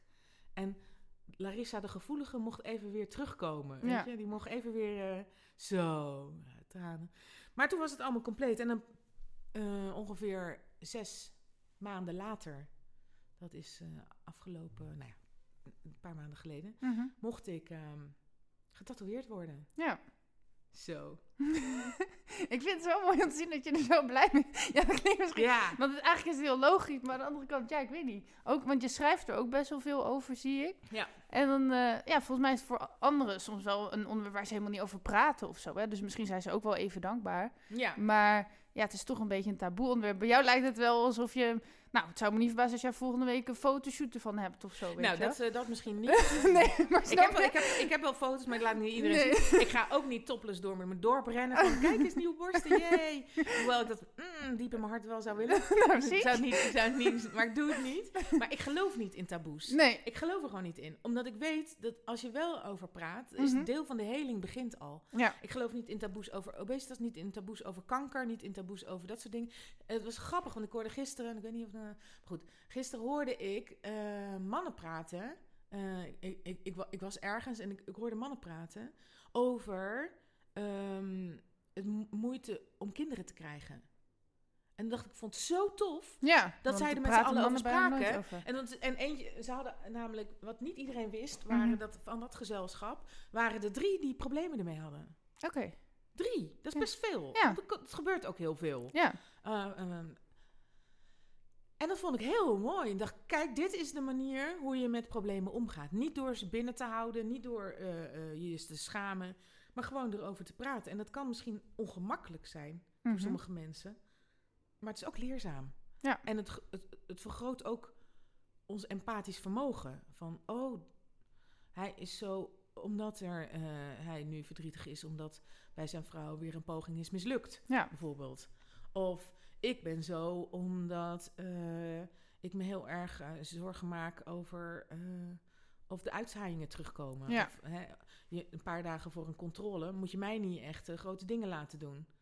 Nee, want, maar dat vind ik ook altijd met zwangerschappen, maar misschien is dat weer wat anders. Maar dat mag je dan eigenlijk niet gelijk vertellen, want dan kan je nog een miskraam krijgen. Maar dan denk ik altijd, nou, dan is het toch fijn dat iedereen... Ja, natuurlijk, het is ook wel weer vervelend, maar ehm, dan kan je wel gesteund worden door je omgeving die weet dat je een miskraam hebt gehad. Ja, maar ik snap ook wel weer dat niet iedereen dat wil. Nee, maar maar- wij doen heel erg spastisch Ja. over een aantal dingen. En die meest, meeste waar wij spastisch over doen, zijn de dingen die heel dicht bij de dood liggen. Ja. Dus, dus miskramen en kanker. En Mhm. Eh, dat is, eh, eh, en het leven, dus hè, nieuw leven, dat is ook geboorte, kinderen, oeh, is allemaal. Daar doen we best wel spastisch over. Gelukkig denk ik ook dat we van de jongere generaties wel wat leren. Ja. eh, dat erover praten wel fijn is. Ja. Dus ik vind de, de jonkies echt heel verademend open over een heleboel dingen. Klopt. Ja. En dat stemt mij vreugdig voor de toekomst. Hè, oude dame als ik ben. Nee, maar dat is sympathiek, want ik verbind me dan veel meer met die jongere generaties. Omdat ik ook niet vind dat er Ja. ergens taboes over hoeven te zijn. Klopt. Taboes remmen. Mhm. Wat moet je doen? Je je hele lijf lang verbergen met schaamte? Oh man, daar krijg je enge dingen van. Ja, en ik zat net ook van, wow, je praat er wel heel makkelijk over allemaal. Maar dus waarschijnlijk juist omdat je er al veel met mensen over hebt gepraat. eh, Ja. Ja, hoef je nu ook niet meer helemaal in huilen uit te barsten. Bijvoorbeeld, mag wel hoor, als je dat zou willen. Maar Nee, ja, dat heb ik al. eh, Dat heb ik dus wel al achter me. Ja. Eh, de tranen zijn gevloeid. Die Ja. waren rijkelijk hoor, kan ik je zeggen. Want het gaat, je gaat echt in een enorm enge achtbaan. En elke keer is het weer eng. Eh, dus, en, en ook nu is controle, zegt, oh, dat wordt wel minder. Nou, ik vind niet dat het minder wordt. Ik vind het nog steeds eng ja, omdat ik één keer de, de, de, de- één keer die boodschap heb gekregen, dat, dat verlies je niet zomaar. nee. Eh, aan de andere kant weet ik nu ook wel dat je, dat je daardoor ook wel weer eh, anders in het leven staat. is ook de drang voor het eerst weer dat ik dus echt wil werken aan mijn gewicht. Ja. Omdat ik, ik inzie dat dat misschien wel eens eh gezondheidsverbetering kan opleveren. En je gezondheid is, het is een enorm cliché en ongelooflijk open deur, maar is echt zo kostbaar. Ja. En zo fragiel. Ja. We zijn zo kwetsbaar. Hier, er komt een virus ons land binnen. We liggen plat. Ja. Ja, het is echt... eh, het is Ja, het klinkt altijd van, eh, oh, gezond is het belangrijkste. Dan denk je van, ja, dat zegt mijn oma altijd, weet je. maar mijn oma leeft niet meer. Ja, Maar, het, het blijkt, lijkt, lijkt alleen maar te gelden voor als je, als je oud bent en, Ja, en, kwetsbaar. Maar dat is niet zo, Nee. hè? Nou ja, ik heb zelf dus ook eh, gezondheidsklachten. Dus ik, ik weet dat het niet zo is. Maar eh, ja, je moet vaak die klachten krijgen voordat je het gaat beseffen. Ja. En dat is zo vervelend. Ja, dat is heel vervelend. Ja. Eh, alleen, ehm, ja, zo werkt het. eh, zo werkt het. Ja, we kunnen moeilijk iedereen eerst ziek maken zodat ze het snappen. Maar ik hoop, nee, nee, dat niet. Maar ik hoop wel dat dit soort dingen en eh, dat het wel voor ga- gaat zorgen voor een soort new wave, een echt een nieuwe golf van, van bewustzijn. Van Ja. eh, toch, toch zorg van het eten en ook regeren is vooruitzien. Eh, er zijn een aantal dingen die gebeuren wel, die ik heel goed vind. Bijvoorbeeld Mhm. ASR Vitality, weet je, ken je dat? Er is een, eh, er is een eh, verzekeringsmaatschappij Ja. die beloont goed gedrag. Oh ja, dat is echt top. Ja. Nee, wist niet dat dat bestond. Daar kan je mij dus heel erg mee vangen. Ja. Nee, maar echt, hè? Mhm. Want eh, de, het eh, protestantse vingertje, je mag niet en eh, je moet. eh, ja, je moet dit en je moet dat, dat, dat werkt bij mij niet. Nee. En dan denk ik, ja, doei, mazzel. Dan ga ik juist het tegengestelde doen en dan heel dramatisch veel Mhm. extra er nog een beetje voor een effect bovenop zetten. Maar als, als je me beloont, Ja. Dan, dan vind ik het wel heel tof. Nou ja, uiteindelijk zou je het natuurlijk gewoon voor jezelf moeten doen. Want je wordt beloond met je gezondheid. Maar eh, hoe belonen ze Ja, dan? maar als en je hoe die paraplu niet hebt, als je die, Nee. als je die helikopterview niet hebt, Nee. Eh, en die eerste stappen eh, moet maken. Als je bijvoorbeeld heel veel sport en je haalt een bepaald aantal punten per week, krijg je een, een spaarpunt. En als je Mhm. vier spaarpunten hebt, krijg je 20eurobol.com. Oh, Bon. zo. Dat is voor mij. Maar kunnen ze ook zien, als ik een sigaretje opsteek, kunnen ze dan zien dat ik dat heb gedaan? Nee, ze kunnen wel, ja, ze kunnen wel zien dat je rookt. Ook als je het één keertje doet. Of hoe, hoe weten ze dat dan? Nou, ja, omdat je één keer per jaar laat je je checken bij een arboarts. En dan zien ze, oh, er zit er ook in je longen. Ja. nou, ik weet niet precies hoe ze dat doen, maar eh, ja. Er Ja. zit, ook een, zit ook waarschijnlijk wel een, st- stukje vertrouwen bij. Maar dat roken, Mhm. daar krijg je niet heel veel extra punten Nee, dan krijg je... Oh ja, voor. tuurlijk. Snap je? Ja. Dat is niet Dus, zo, dus eh, juist als je iets goeds doet, dan krijg je... Ja. Nou, vind ik wel een goed Daar- systeem. maar dat, daar hou ik van. En ik zou willen, en dat vind ik ook heel vooruitstrevend. Ik zou willen dat, en net zoals ik heel duurzame, duur, een hele duurzame eh, bedrijven heel vooruitstrevend vind. Ik zou willen dat, eh, dat er wat meer, dat dat wat meer aandacht kreeg. Ja. En als regeren vooruitzien is, dan hou je volk gezond. Dat betekent dat je ook eens nee gaat zeggen tegen multinationals die het hele land willen volplempen met eh, gouden emmen. En, eh, Ja. Sorry, het is wel ineens een hele... ik, eh, ik, heb, eh, ik had vroeger een goede vriend, daar heb ik niet echt meer contact mee, maar die had een keer gedroomd dat eh, we ons salaris kregen juist door gezond te leven of zo. En ook door elkaar gezond te houden. Oh. Dus ja, dus dan als samenleving ging je met z'n allen voor zorgen dat jij gezond bleef, want dan kregen we met z'n allen meer geld. Zoiets. Maar mooi. En Ja. ook zorgen dat de eenzaamheid niet weg is. Dus Ja. iedereen erbij te betrekken.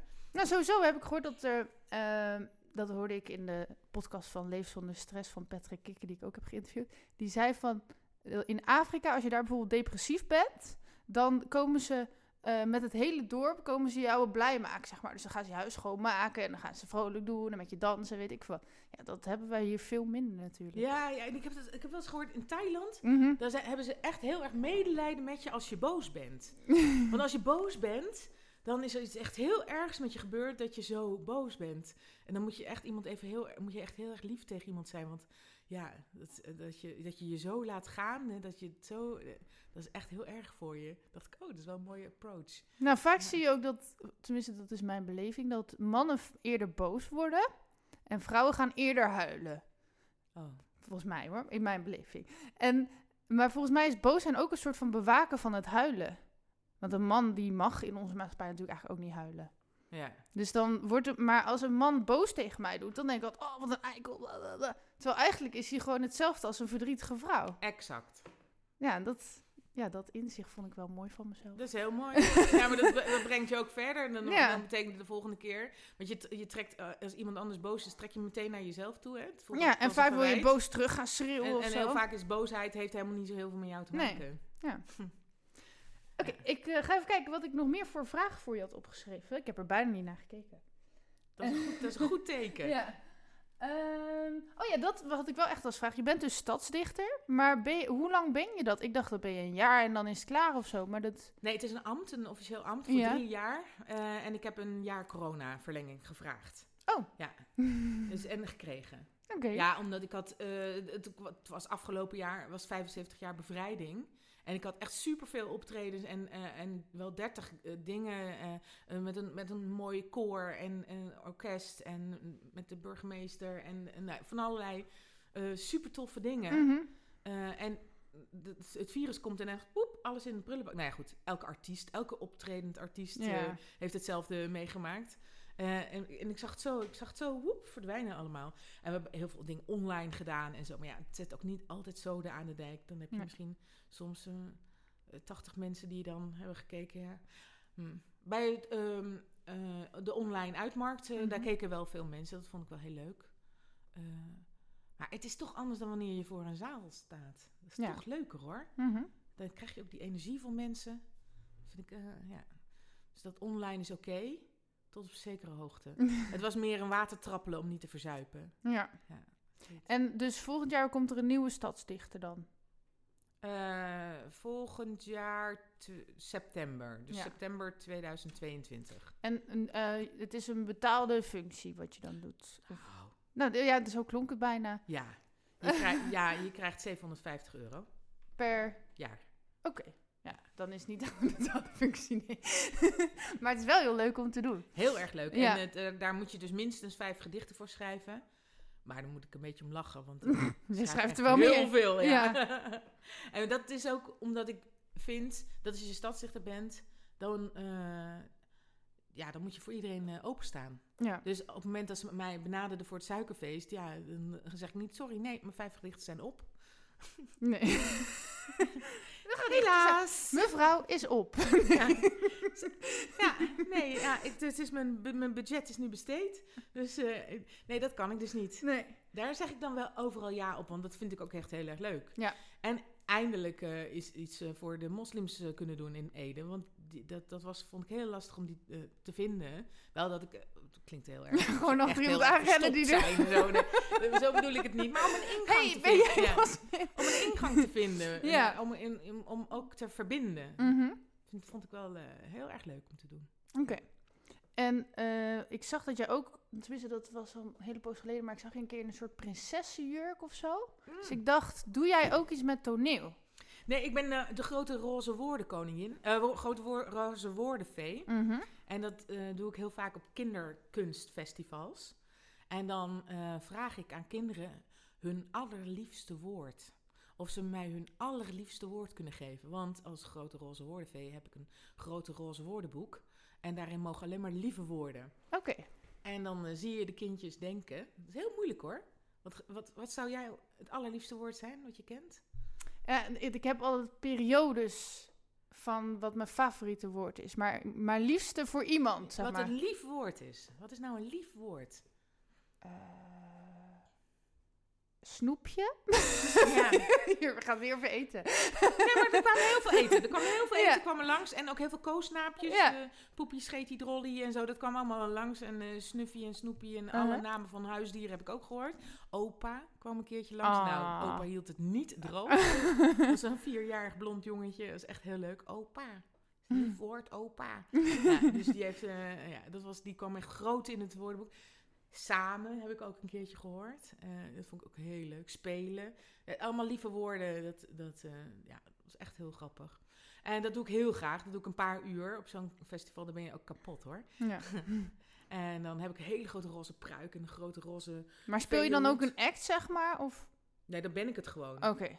Ja. Dan ben ik gewoon dan. Ja, maar je hebt nog wel je eigen stem. En... Ja. ja. Ja, maar het is mijn alter ego. Ik, Ja. ben, ik, ik, zou, ik zou het liefst gay zijn geweest. En dan een hele grote drag queen. Ja, ik vind het eigenlijk... Kan wel- ook nu gewoon als drag queen. Heb ik wel eens gedaan, maar dan waren ze toch erg teleurgesteld dat ik een meisje was. Oh. Ja. nee, dat geeft ook niet. Nee, maar ik ben in mijn hart gewoon een drag queen. Ja. Grote, lange, roze wimpers, heerlijk. En dan een pruik. En eh, ik snap een... Ik, ik kijk ook graag naar eh RuPaul. Ik snap dat. Ik vind dat heerlijk. Ja. Even eh, een uur de tijd nemen om je helemaal in een pruik, mijn wimpers en in een jurk te hijsen, glitters, alles op te doen wat je normaal nooit doet. Dat is lekker hoor. Of gewoon elke dag doen. Maar ja, dan ben je er elke dag zo lang mee bezig. Nee, maar dat is niet, dan, is het ook, dan is het ook niet bijzonder. Nee. Ja, ik denk wel eens, ik zou eigenlijk wel... Alleen, daar heb ik gewoon de tijd niet voor, hè. En ook niet de kleren en de spullen en het geld. Maar eh, ik zou eigenlijk het liefst wel elke dag als een soort gekke kunstenaar... eh, met de ene dag paars zijn en dan de andere dag eh, groen. Nou, niet groen, maar... En dan een ander soort pak en dan een hele andere identiteit aannemen. En moet je gewoon naar de, daar, dat moet je als een punt op de horizon zetten en er gewoon naartoe werken. Want ik merk dat ik als, ik, als ik in mijn grote roze woordenvee-outfit sta, dan ben ik net een soort roze Sinterklaas. Die is ook altijd een grote kindervriend. Ik ben natuurlijk ook grote kindervriendin. Gewoon. Ja. En dan, ik heb ook een staf met een, met een, eh, met een ster erop en allemaal eh fr- franjes en frutsels en prularia. En dan loop ik wel, ik, ik kan wel meer dan. Hè? Ik mag wel meer zeggen, omdat Mhm. ik natuurlijk verstopt ben achter. Ja. Dus ik, ik kan, eh, en dat vind ik echt heel leuk. Dat vind ik echt gewoon, eh en kindjes stoppen, want die vinden dat fantastisch. ja, die komen gewoon vanzelf op je afrennen. Ja, je bent één grote eh, kindermagneet. Dat had ik toen trouwens ook met dat pop-up festival toen ik eh, als hippie verkleed was. ja, Toen kwam er één zo'n jongetje en die ging mij knuffelen en toen ging hij weg en toen zag je hem echt zo ja, heel langzaam me uitzwaaien, helemaal verliefd naar me kijken en hij wilde niet weggaan en ik kreeg zo'n traantje. oh, voor, mij was jij een, eh, voor mij was je echt een zigeunerprinses. Ja. Met eh, eh, een soort, soort huppelende, fladderende verschijning. Ja, ik vond het ook heel leuk. Ja.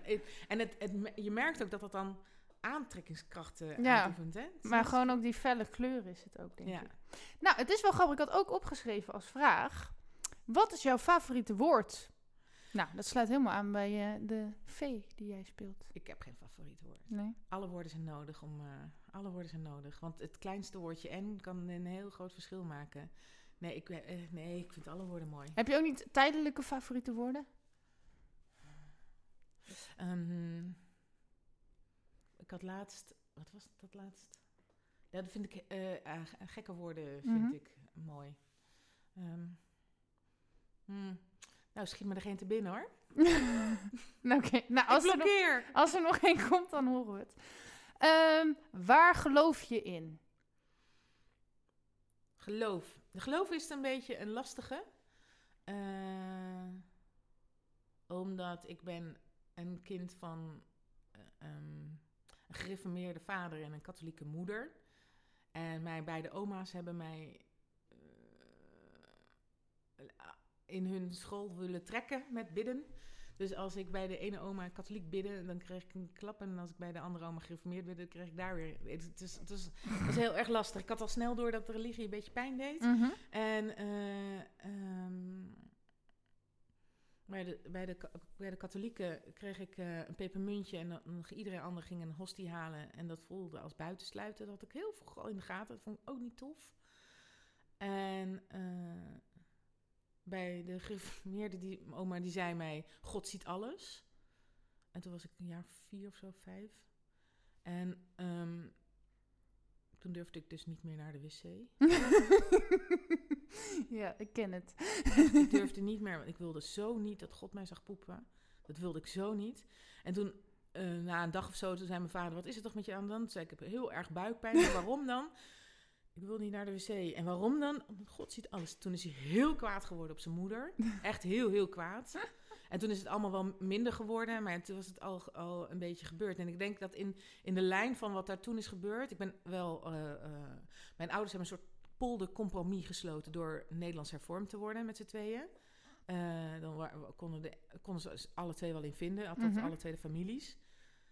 Maar dat is natuurlijk een poldercompromis. Dus ik ben wel gedoopt. En eh, ik, vind, ik, vind, ik vind het heel erg lastig. Dus ik, ik eh, ben niet gelovig. Ik ken de Bijbel. Mhm. Ik, heb, ik ken de Bijbel. eh, die heb ik natuurlijk van kaf tot kaf uit mijn hoofd moeten leren. Ik heb ook de Koran gelezen in de Torah, dus ik weet van alle boeken wat het is. En ik vind het boeken vol liefde. Ehm, En de meeste mensen die in de boeken geloven, vind ik heel erg lief. En er zijn erbij, die vind ik niet zo tof. Ja, maar die zijn er ook die niet in de boeken. Nou ja, het- ik denk het percentage eh, rotzakken is eh, overal even groot. ja. Eh, en mensen die zich verliezen in wat ze anderen aan kunnen doen onder het mom van in naam van God.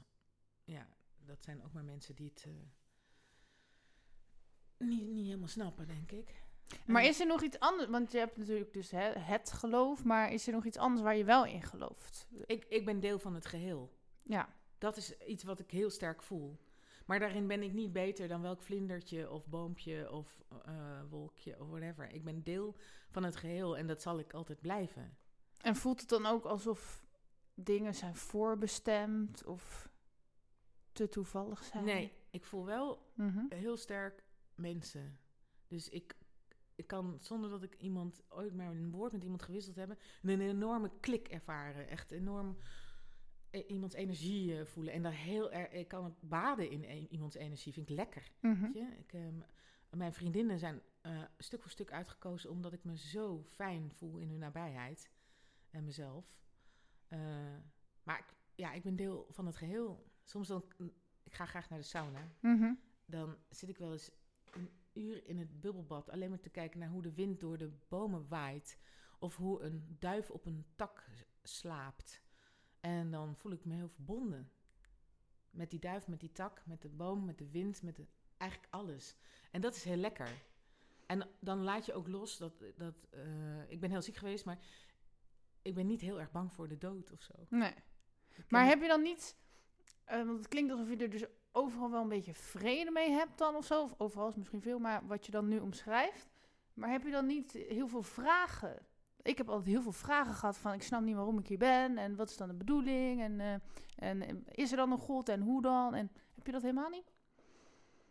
Nee, want als je deel, deel van het geheel, dan ben je net zo belang, ben je, dan ben je gewoon net zo belangrijk. Dan, dus Mhm. dan maakt het ook niet uit. Nee, het maakt ook niet uit, maar ik, ik, ik kan daar nu wel steeds beter, maar ik kon daar vroeger echt geen vrede in vinden. En Dan, maar dan ben je nog heel erg je doel aan het zoeken. Of je ehm, aan het zoeken wie je zelf bent dan. Nee, ik denk het. ja. Nee, ik vind het heel fijn. Ik heb bijvoorbeeld geen kinderen. Mhm. ik, ik heb wel eens met een, vriendin over gesproken.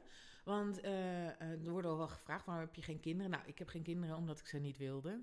Dat eh, mag tegenwoordig, geloof ik. Mag je gewoon zeggen, ik wilde ze niet. Nou, beter Nou. dat je het zegt en je, en je ze ook niet hebt, dan Nee, dat je het zegt als je ze heel wel veel hebt. mensen zei, is er, niks, nee, er zit geen treurig verhaal achter, geen onvruchtbaarheid, geen eh, kinderloosheid, geen eh, ongewenstheid of zo. Nee, ik, ik zag het mezelf gewoon niet, niet doen. Nee. Nooit gehad. Ik wilde ook vroeger nooit met poppen spelen en zo. Terwijl als vee vind je het wel heel leuk. Ja, maar ik ben dol op kinderen. En het is ook Ja. niet dat ik kinderen haat. Hè. Ik ben Nee. niet zo van, ah, uit mijn ogen.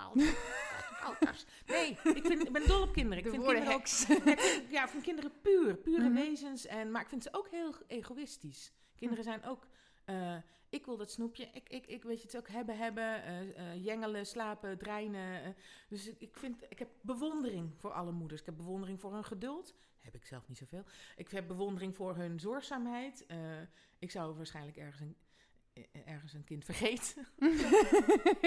er was nog wat, er was nog wat. Oh, bij het vlees, bij de vleeswaren. Ja, dat weet ik niet. Maar ik ben wel een hele leuke... Ik ben wel vijf keer peetante. Mhm. Dus als ze allemaal tegelijk tegen een boom rijden... heb ik het heel druk. Ja. ben ik vijfvoudige moeder. Ehm, nee, ik ben dol op kinderen. Alleen, ik heb zelf nooit eh, eh, die drang gevoeld. Ik even wel, toen ik 39 was. Ja, want En dan toen- is het wel een beetje nu of nooit. Ja, en toen dacht ik, nou, maar dat is werkelijk de slechtste reden om een kind te nemen. Ja. Of te krijgen. Ja. Dat is ook zo'n woord waar je Ja. over kunt discussiëren. Maar ja, mis- misschien als je straks eh 90 bent, of nou dat is wel heel oud, eh 80 bent, dat je, dat je het opeens toch mist dat er niemand voor je zorgt, bijvoorbeeld. Nou, dat denk ik niet. Oké. Nee. Niet dat je nou een schuldgevoel aanpraat. Nee, maar dat, ik, ik, ik vind het ook echt heel slecht dat je alleen Mhm. maar kinderen neemt, zodat je later eh, eh, eh, de, mensen hebt die je verzorgen. Eh, dat vind ik ook Ja, echt... Dat is ook weer egoïstisch. ja, en wat doen we dan met 90-jarige mensen die, wiens kinderen zijn overleden? die hebben dan ook niemand om ze Nee. voor te, te zorgen. Er zijn, het leven bijt je wel eens in je. Maar wat ik wilde zeggen, Ja. zij, heeft, zij zei, dus omdat ik nu een kind heb, ben ik onsterfelijk. Omdat in, in haar, in dat kind, gaat mijn bloed voort. Ja. En dat, dat, dat snap ik tot op zekere hoogte. Dat is, dat is ook echt heel fijn dat je, eh, dat je dat zo voelt. En dat, dat heb ik helemaal niet. Nou, maar misschien heb je het wel met je gedichten of met je dingen die je maakt. Dat zegt mijn moeder. En dat vind ik, dat, daar, daar denk ik, oh ja, zou ik het doen voor de onsterfelijkheid? Denk ik, nee, nee, ik doe het gewoon omdat ik het graag wil doen. Dus het niet achter in mijn achterhoofd is, oh, ik moet nou even een gedicht gaan schrijven, zodat ik over honderd jaar nog gelezen word. Nee, dat zit er echt niet in. Dus dat is misschien iets wat als consequentie zou kunnen zijn, ooit. Hè, stel, Uh-huh. stel dat ik dat ooit dat niveau, eh, of dat er altijd nog iets van me te vinden is. Maar dat is niet waarom ik dicht. Nee. Maar dat is ook niet waarom ik een kind zou willen. Of, eh, dat vind ik niet belangrijk. Waarvoor doe je het dan eigenlijk? Dus waarvoor maak je de dingen die je maakt? Omdat ik het echt heel fijn vind om dat te maken. Ik heb een gevoel en ik, heb een, ik, heb dus, ik kan het kanaliseren naar woorden. En dat is iets magisch. Dat vind, ik, dat vind ik een van de lekkerste dingen die ik kan doen. Ik zit dan ook in een, in een, in een hele fijne puntfocus. Ik, alles om me heen kan neerstorten. Maar ik ben aan het dichten. Dan is, het, dan is, het, eh, dan is mijn wereld goed. Ja. Het is zo lekker. Dat, ik zou niet weten wat ik anders moest. En stel je bent dus inderdaad eh, straks overleden. Ik, ik hoop dat het nog heel lang duurt voor je natuurlijk. Maar, maar we weten nooit wanneer. Eh, en niemand weet meer wie je bent en niemand leest ooit meer je gedichten. Nou kijk, sowieso waarschijnlijk de komende paar jaar is nog wel. Maar hè, dus je wordt echt vergeten. Vind je dat dan een vervelend idee? Dat je niet zoveel zou hebben betekend? Maar dat zouden alle mensen dan ook hebben die niet dichten of zo. Want, nou, je nou ja, iedereen doet iets wat eh, indruk maakt. Maar er zijn best wel... Er zijn mensen die zeggen van... Ja, ik wil echt dat ze mij altijd nog kunnen herinneren of zo. Maar dat heb jij volgens mij niet, of wel? Nee, het lijkt me zo'n foute reden om iets te doen. Ik, ik, ja, mag hoor. Mhm. Mag als de sterfelijkheid je op je hielen zit. eh, en en als je een enorme, enorme melancholie eh, overvalt, dan mag je dat zeker allemaal doen. Dat vind Ja. ik ook echt oké. Ieder zijn drijfveer is. is- Maar ik Ja. heb dat helemaal niet. Ik weet dus ook bijvoorbeeld niet meer zo goed wie mijn voorouders waren. Ik, ik kan Mhm. mijn opa nog wel herinneren, maar ik ken de vader van mijn opa niet. Nee. Eh, dus die is voor mij al dood. Snap je? Eh, want je bent dood als er niet meer aan je gedacht wordt of Ja, over dat. je gesproken wordt. Ja. Maar heel veel mensen dichten niet, maken niet, geen, geen kunst, niet iets blijvends, behalve dan hun kinderen Mhm. eh, en de kinderen van hun kinderen. Maar ook zij zijn na drie generaties, wordt er niet meer over gesproken, niet meer aan ze gedacht, Nee. zijn ze dood. Eh, maar dat is toch een enorme natuurlijke gang van Ja. zaken. Dus daar heb je helemaal vrede Ja, in. maar, maar dat heb ik totaal Mhm. vrede mee. Want je denkt Mhm. dan ook niet dat een vogeltje nadenkt op een moment dat hij door de kat gegrepen wordt. Oh mijn god, wat laat ik na? Nee, Mijn nest in de boom. Nee, Ja. dan, is het, dan, is het, dan, is het, dan is het gewoon een vrede en, en opgaan. In, Ja. Dan ben je weer een deel van het geheel, maar een ander deel van het geheel. Ik ben het ermee eens, maar ik denk wel echt dat er heel veel mensen in deze maatschappij zijn die... Nou, ik had het in ieder geval vroeger dus heel erg en nu steeds minder gelukkig. Maar ik had echt het idee, mijn leven heeft pas zin als ik eh, de nieuwe Einstein ben of zo. Niet dat ik per se wetenschapper moet worden. Maar zo'n grote impact zou ik moeten hebben dat het zin heeft gehad dat ik hier was. Oh ja.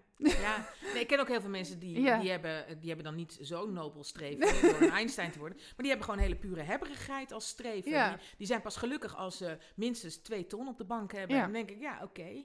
Nou ja, dat is, dat is een streven. En dan? Dan heb je twee ton op de bank. En dan? Ja, eh, ik, dat weet ik niet. Dit- Nee. Maar, maar iedereen, ik zal het niet veroordelen. Iedereen, Nee, mag, nee. iedereen mag het eigen doel hebben. Maar ik vind het juist zo kn- ja, knap. Waarschijnlijk heb je het gewoon van nature. Ja. Maar ik, ik vind het echt mooi om te zien dat je zoveel vrede overal in lijkt te hebben. Nou, ik heb, ik heb, ben dus met die religie ben ik zelf, eh, ik, ik heb daarin zelf gekozen. Ik was er daarin eigenlijk al heel jong hoor. Ja. Dat ik koos, dat is het niet. Het kerkse is het niet. Dat, eh, dat, dat, eh, dat is gewoon niet voor mij weggelegd. Nee. En ik vind het heel fijn. Ik, ik, ik, heb, ik woon natuurlijk in Bennekom, hè, Mhm. echt wel tussen de, tussen de eh, christenen. Een wat zwaarder dan de ander. En ik snap het wel, want vanuit hun geloof en vanuit hun visie... Ik ken iemand die heeft een zorgboerderij. Dat is echt de, een, een van de tofste peren die ik ken. En die is ook niet bezig met het zieltjes winnen. Dat vind ik namelijk ook heel vervelend. Mhm. Maar juist met het zieltjes verzorgen. Ja. Maar ook oprecht, omdat hij dat uit zichzelf voelt. Omdat hij vindt dat eh, vanuit zijn geloof, vanuit hoe hij eh, eh, Jezus ervaart, of, of hoe hij God ervaart, dat hij dat moet doen. Dat is een roeping. Ja, dat vind ik prachtig hoor. Daar hoor je mij niks over zeggen. Nee. Want het is ook voor hem een, zijn manier hoe hij vormgeeft aan het doel van het leven. Ja. Ja, dat, dat is prachtig. Alleen niet wat, hoe ik het doe, want ik zie het net even anders. Maar ja, ik ben ook beetje gek daarin. denk ik. Ja. Wat is voor jou vrijheid? Ja, dat, je, hebt, eh, eh, je hebt twee soorten vrijheden. Je hebt de, de, de vrijheid in de maatschappij en de vrijheid in jezelf. Mhm. Ik zou daar toch een scheiding willen maken. De vrijheid in de maatschappij is dat je niet in een dictatuur leeft. Dat je alles mag zeggen en mag denken, maar vooral mag zeggen eh, wat je wil, zonder dat je daar meteen eh, de bak voor in hoeft of dood hoeft. Eh, dat is een groot goed. Dat hebben we hier gehad. We hebben, we hebben dit hier gehad dat het niet er was. Eh, ja, het is een groot goed dat we het hebben. Mhm. Maar meteen ook het meest kwetsbare wat we hebben. Want het kan zo poef weer weg zijn. Dus je, het is iets wat je vreselijk, wat we met z'n allen, je, ik zeg alleen je, we, Je we mag gewoon je zeggen. ja, maar je, je dat is zo, eh, ik, ik kom zo weer terug op de vrijheid. Ja. Je, de hele, heel, moet je maar eens opletten, heel, heel Nederland spreekt in de je-vorm. Dat is in de sportverslaggeversvorm. Ja, je, je, je, je let er even niet op en dan ben je... eh, nee, ik ben. Ik let er even niet op en ik ben. Het is echt- Ja. Iedereen spreekt in de tweede vorm. Het is zo raar. Mhm. Het is, het is nog raarder om in de derde vorm over jezelf te spreken van... eh, Mm. ja, Larissa, die doet nooit eh, ja, dat is ook heel raar, maar eh, goed, tweede vorm is ingeburgerd nu. ik Ja. Tegen. Goed, maar vrijheid is een... eh, is een eh, ja, het is, het is echt heel kwetsbaar. Voor je het weet zijn er weer mensen die vinden dat je bepaalde dingen niet mag zeggen. Vind ik heel eng hoor. Mhm. Ik, eh, Ehm, nou, dan heb ik denk ik... Ja, ik en, heb... de, in- de innerlijke vrijheid? Mhm. Oh, daar wil je nog wat over zeggen? Ja, ik weet niet hoe dat moet. Nee? Ik weet niet... Ik ben niet vrij. Oh, dus je komt zo vrij over. Ik ben heel vrij, maar ik ben, ik ben bijvoorbeeld dus niet vrij van het eten. Nee. En ik ben niet vrij van een aantal dogmatische gedachten in mijn hoofd, waardoor ik, eh, m- eh, ja, ik noem, het is, ieder mens heeft wel een heel klein beetje zwart in zich. Hè, of een innerlijke klootzak of een schaduw of noem het, noem het wat je wil. Of de duivel, noem het de duivel, sommigen noemen het de duivel, whatever. Eh, saboteur, geef het een naam. Ik noem het altijd een beetje het zwarte, het zwarte randje. Eh, die is lastig. Die wil, wel eens, eh, die wil wel eens dwars liggen. En dan heb je het heel goed gedaan. Of dan, dat, dan komt er toch een vonkje angst op. Of twijfel. Of onverschilligheid soms. Dat vind ik ook een hele lelijke hoor. Onverschilligheid. Dat is toch erg? Mhm. Dat het je geen bal meer uitmaakt. Dat je niks meer kan schelen. Ja. Nou, want ik ben geen onverschillig mens. Dus ik vind het heel erg. Of dat ik, eh, dan moet ik wel heel lang terug hoor. Maar zeker toen ik bijvoorbeeld in mijn burn-out was, dat ik, dat ik dagen in bed kon liggen. Jongen, jongen. Dat is toch super zonde? Ja. Het is buiten, het is zelfs nu. De, de, de zon schijnt. eh, je kunt echt al. Ga je een heel klein stukje fietsen, word je al blij. Dan Ja. ben, dan ben ik, in ieder geval, ik ben dan al, eh, ben al, ben dan al blij. Time, tijd verspillen, omdat je pff, het je ook geen reet meer kan uitmaken. Nou, dat vind ik heel erg. Dus de innerlijke vrijheid, ik zou wel heel graag willen dat die kleine klootzak in mij eh, zou tot een speldenknop zou gaan. Maar dan klinkt het ook een beetje alsof je eigen burn-out veroordeelt. Maar als je een burn-out hebt, ben je natuurlijk gewoon heel moe. Dus dan moet je in bed liggen. Zeker. Oké. ja, stel dat iemand nu luistert het een burn-out en die is dan boos op zichzelf dat hij in bed ligt. Nee, maar het is wel een innerlijke klootzak. Is, ik, heb, ik heb hem toegelaten dat dat monster uitgroeide tot iets wat mij volkomen lam, Ja. vleugellam maakte. Ja, dat. Dus, dus eh, ik- denk dat we maatschappelijk op moeten letten dat, dat we niet in de dictatuur terechtkomen. Mhm. En dat je innerlijk moet opletten dat je die innerlijke klootzak niet te veel ruimte geeft om te De groeien. dictator. Die innerlijke dictator. Ja, maar dat is, dat is, die moet je af en toe echt snoeien. Ja, En zeker. dat moet je bewust doen. Anders eh, word je een nare, zure oude doos. Of voor je laten gebruiken. Zo, daar moet ik even over nadenken. nou ja, ik heb hem voor me laten gebruiken in bijvoorbeeld mijn dieet, zeg maar. Ja? Ja. Hoe, hoe dan? Nou, dus dat ik regels had rondom mijn voeding. Ehm, en regels had rondom eh, beweging. Maar tegelijkertijd zet ik hem dan wel uit als ik me niet aan de regels hou. Je hebt er gewoon een groot hek omheen gezet. met, een Hij roept gewoon woe! ja, met een dik slot. Dus een geluidsdicht kamertje. Ja. Ja. Ja, misschien, ja, ik weet niet. Misschien klopt het wel niet wat ik zeg. Het is ook maar allemaal beeldspraak natuurlijk. ja, maar wel, eh, wel waar ik wat mee kan. Want op het moment dat ik zie dat dat, dat, dat donkere monstertje Mhm. in mij eh, de overhand neemt, dan moet ik echt wat doen. Ik moet dan echt even aan de gang. Het de donkere monster uit zich in zelfmedelijden, in eh, zielig voelen. Ja, zelfmedelijden, zielig Mhm. voelen. Oh, maar ook, ook bang zijn. Ja, dat was nog niet makkelijk toen ik echt ziek werd. Dat Mhm. was eh, daar heb ik, eh, dus daar heb ik een, de, de vrouwelijke krijger in mij wakker gemaakt. Om dat donkere, dat, die schaduwkant echt weg te rammen uit Ja. me. Want ik heb er niks aan om angstig op een operatietafel te liggen. Ik, ik wil juist eerder ehm, positief erin gaan. Ik wil eigenlijk al bijna afronden, het wel heel lang. Maar ik zit nog wel van, het klinkt wel een beetje alsof je dan je pijn de hele tijd weg zit te duwen. Nee, maar wel op momenten dat ik, Mhm. op momenten dat ik, dat ik er met de angstige Larissa niks kan, Mhm. heb ik er, wil ik er ook even niet hebben. Nee. Dus op het moment dat ik sterk moet zijn en ehm, rustig moet blijven en iets moet ondergaan, dan wil ik er niet in de buurt hebben. Maar dan, heb je toch, dan ben je toch de dictator voor je aan het laten werken. Dus dat is Ja. dan heel goed. Ja, dus misschien, ja, nee, maar ik vond het wel mooi. Dus ik ga erover eh, nadenken. En ik ook heb met, uit... je, met je gedicht doe je het eigenlijk ook. Zeg maar, tenminste, of gewoon met je schrijfsels. Van, Ja. eh, er is dus een probleem en er zijn allemaal gevoelens.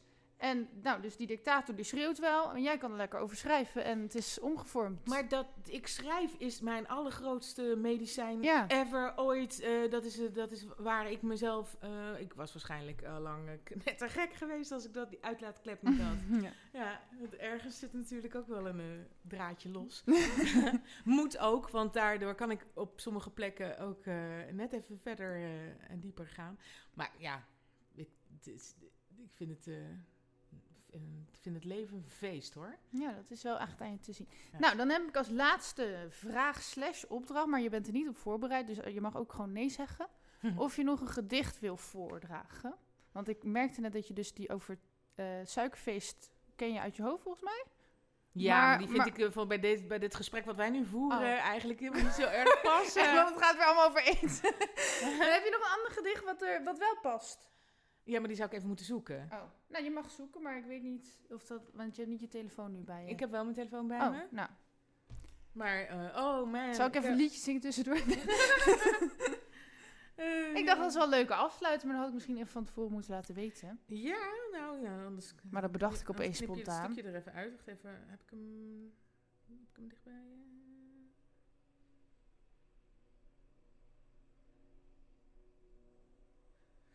Oh, ik heb wel een heel mooi... Is het eerste wat ik nu vind. en- Mhm. En, dat is het, het, het gedicht van een jongen met een bolderkar. En dan moet hij wel even openen.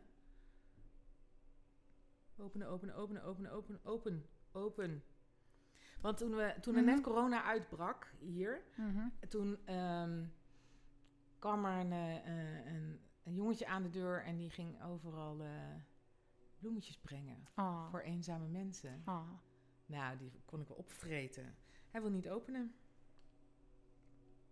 Waarom doet hij dat niet? Lulululu. Anders moeten we hem zo even los nog opnemen, plakken we hem dag. Ja, dat is, eh, dat, is, dat is misschien een goed idee. Oké, nou dan is het nog één van. Heb je nog eh, ja, een site of dingen waar mensen je kunnen vinden en waar kunnen ze je dan voor vragen? Nou, ik zit site, site vind ik eh, zo vorige eeuw. Ik ben alleen op de socials, Ja. eh, op Facebook en Insta. Mhm. Eh, dus wees welkom. Eh, ik zet sowieso elke week mijn column online op mijn eigen Facebookpagina. Dat is wel alleen voor volgers te lezen, dus dan moet je wel even vrienden met me worden. Maar dat, ja. pff. Larissa Verhoef dus. Ja, Larissa Verhoef op eh, Facebook. Eh, op Insta ben ik niet zo heel erg. Ik ben natuurlijk al wat ouder, hè? 50, dan ga je niet op Insta. Nee, Nou, ik, heb wel, ik doe wel wat met Insta. wel Snapchat, maar... eh, nee. Ja, en, maar op Facebook kun je me ook wat benaderen met Messenger en zo. Het, meestal alle vragen beantwoord ik zelf, Oké. Leuk. Dus dat kan. Nou, dan plakken we zo nog even het gedicht erachteraan als het lukt. En anders dan... eh, ze zeggen soms wel eens dat stilte nog belangrijker is dan woorden. Zo, witregels tussen een gedicht zijn echt essentieel. Nou, dan, daar, zo kunnen we ook nog eindigen. Ja. We zien het wel. Dankjewel. Bedankt voor vandaag. Dit gedicht heb ik geschreven voor Bewust Ede vorig jaar. Dat was een, eh, een samenkomst van allerlei, eh, van, van een platform van bedrijven die zich baseren op zeg maar, de zachtere dingen van het leven. Masseurs, diëtisten, eh, dat soort werk. Heel erg leuk was dat. Dit is het gedicht. Dit is voor de gevers.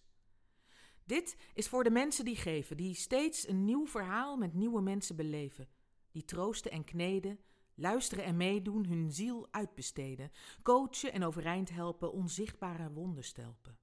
Dit is voor de mensen die klaarstaan bij groot verdriet of klein leed, bij lichamelijke ongemakken, die rouwende onder de schouders pakken, die heel maken wat ooit stuk was, die tissues uitreiken of een theeglas.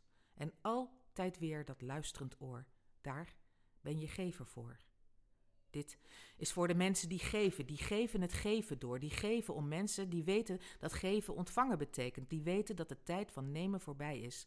De lichtbrengers, de baanbrekers, dit is voor de gevers.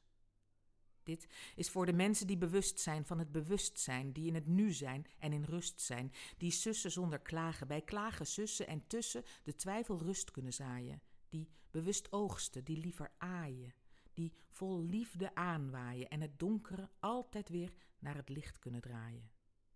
Dit is voor de gevers, voor de overleven-overlevers, voor de groeiers, voor de te vroeg, de te laat, de precies goed bloeiers. Voor de mensen met een missie, dat lijken watjes, maar dat is niet. Die snappen juist dat in de kwetsbaarheid de ziel en zaligheid van de kracht verscholen zit. Dat daar de energie om te overleven verankerd zit. En de energie om te blijven geven. Dit is voor de gevers, opdat ze nooit vergeten hoeveel we om ze geven. Dat ze geven. Blijf geven. Blijf het leven het geven geven. Dank voor de balans. Dit is voor de gevers. Jullie geven leven glans. Meer weten? Ga naar walinda.nl of volg mij op Facebook en Instagram. Doei!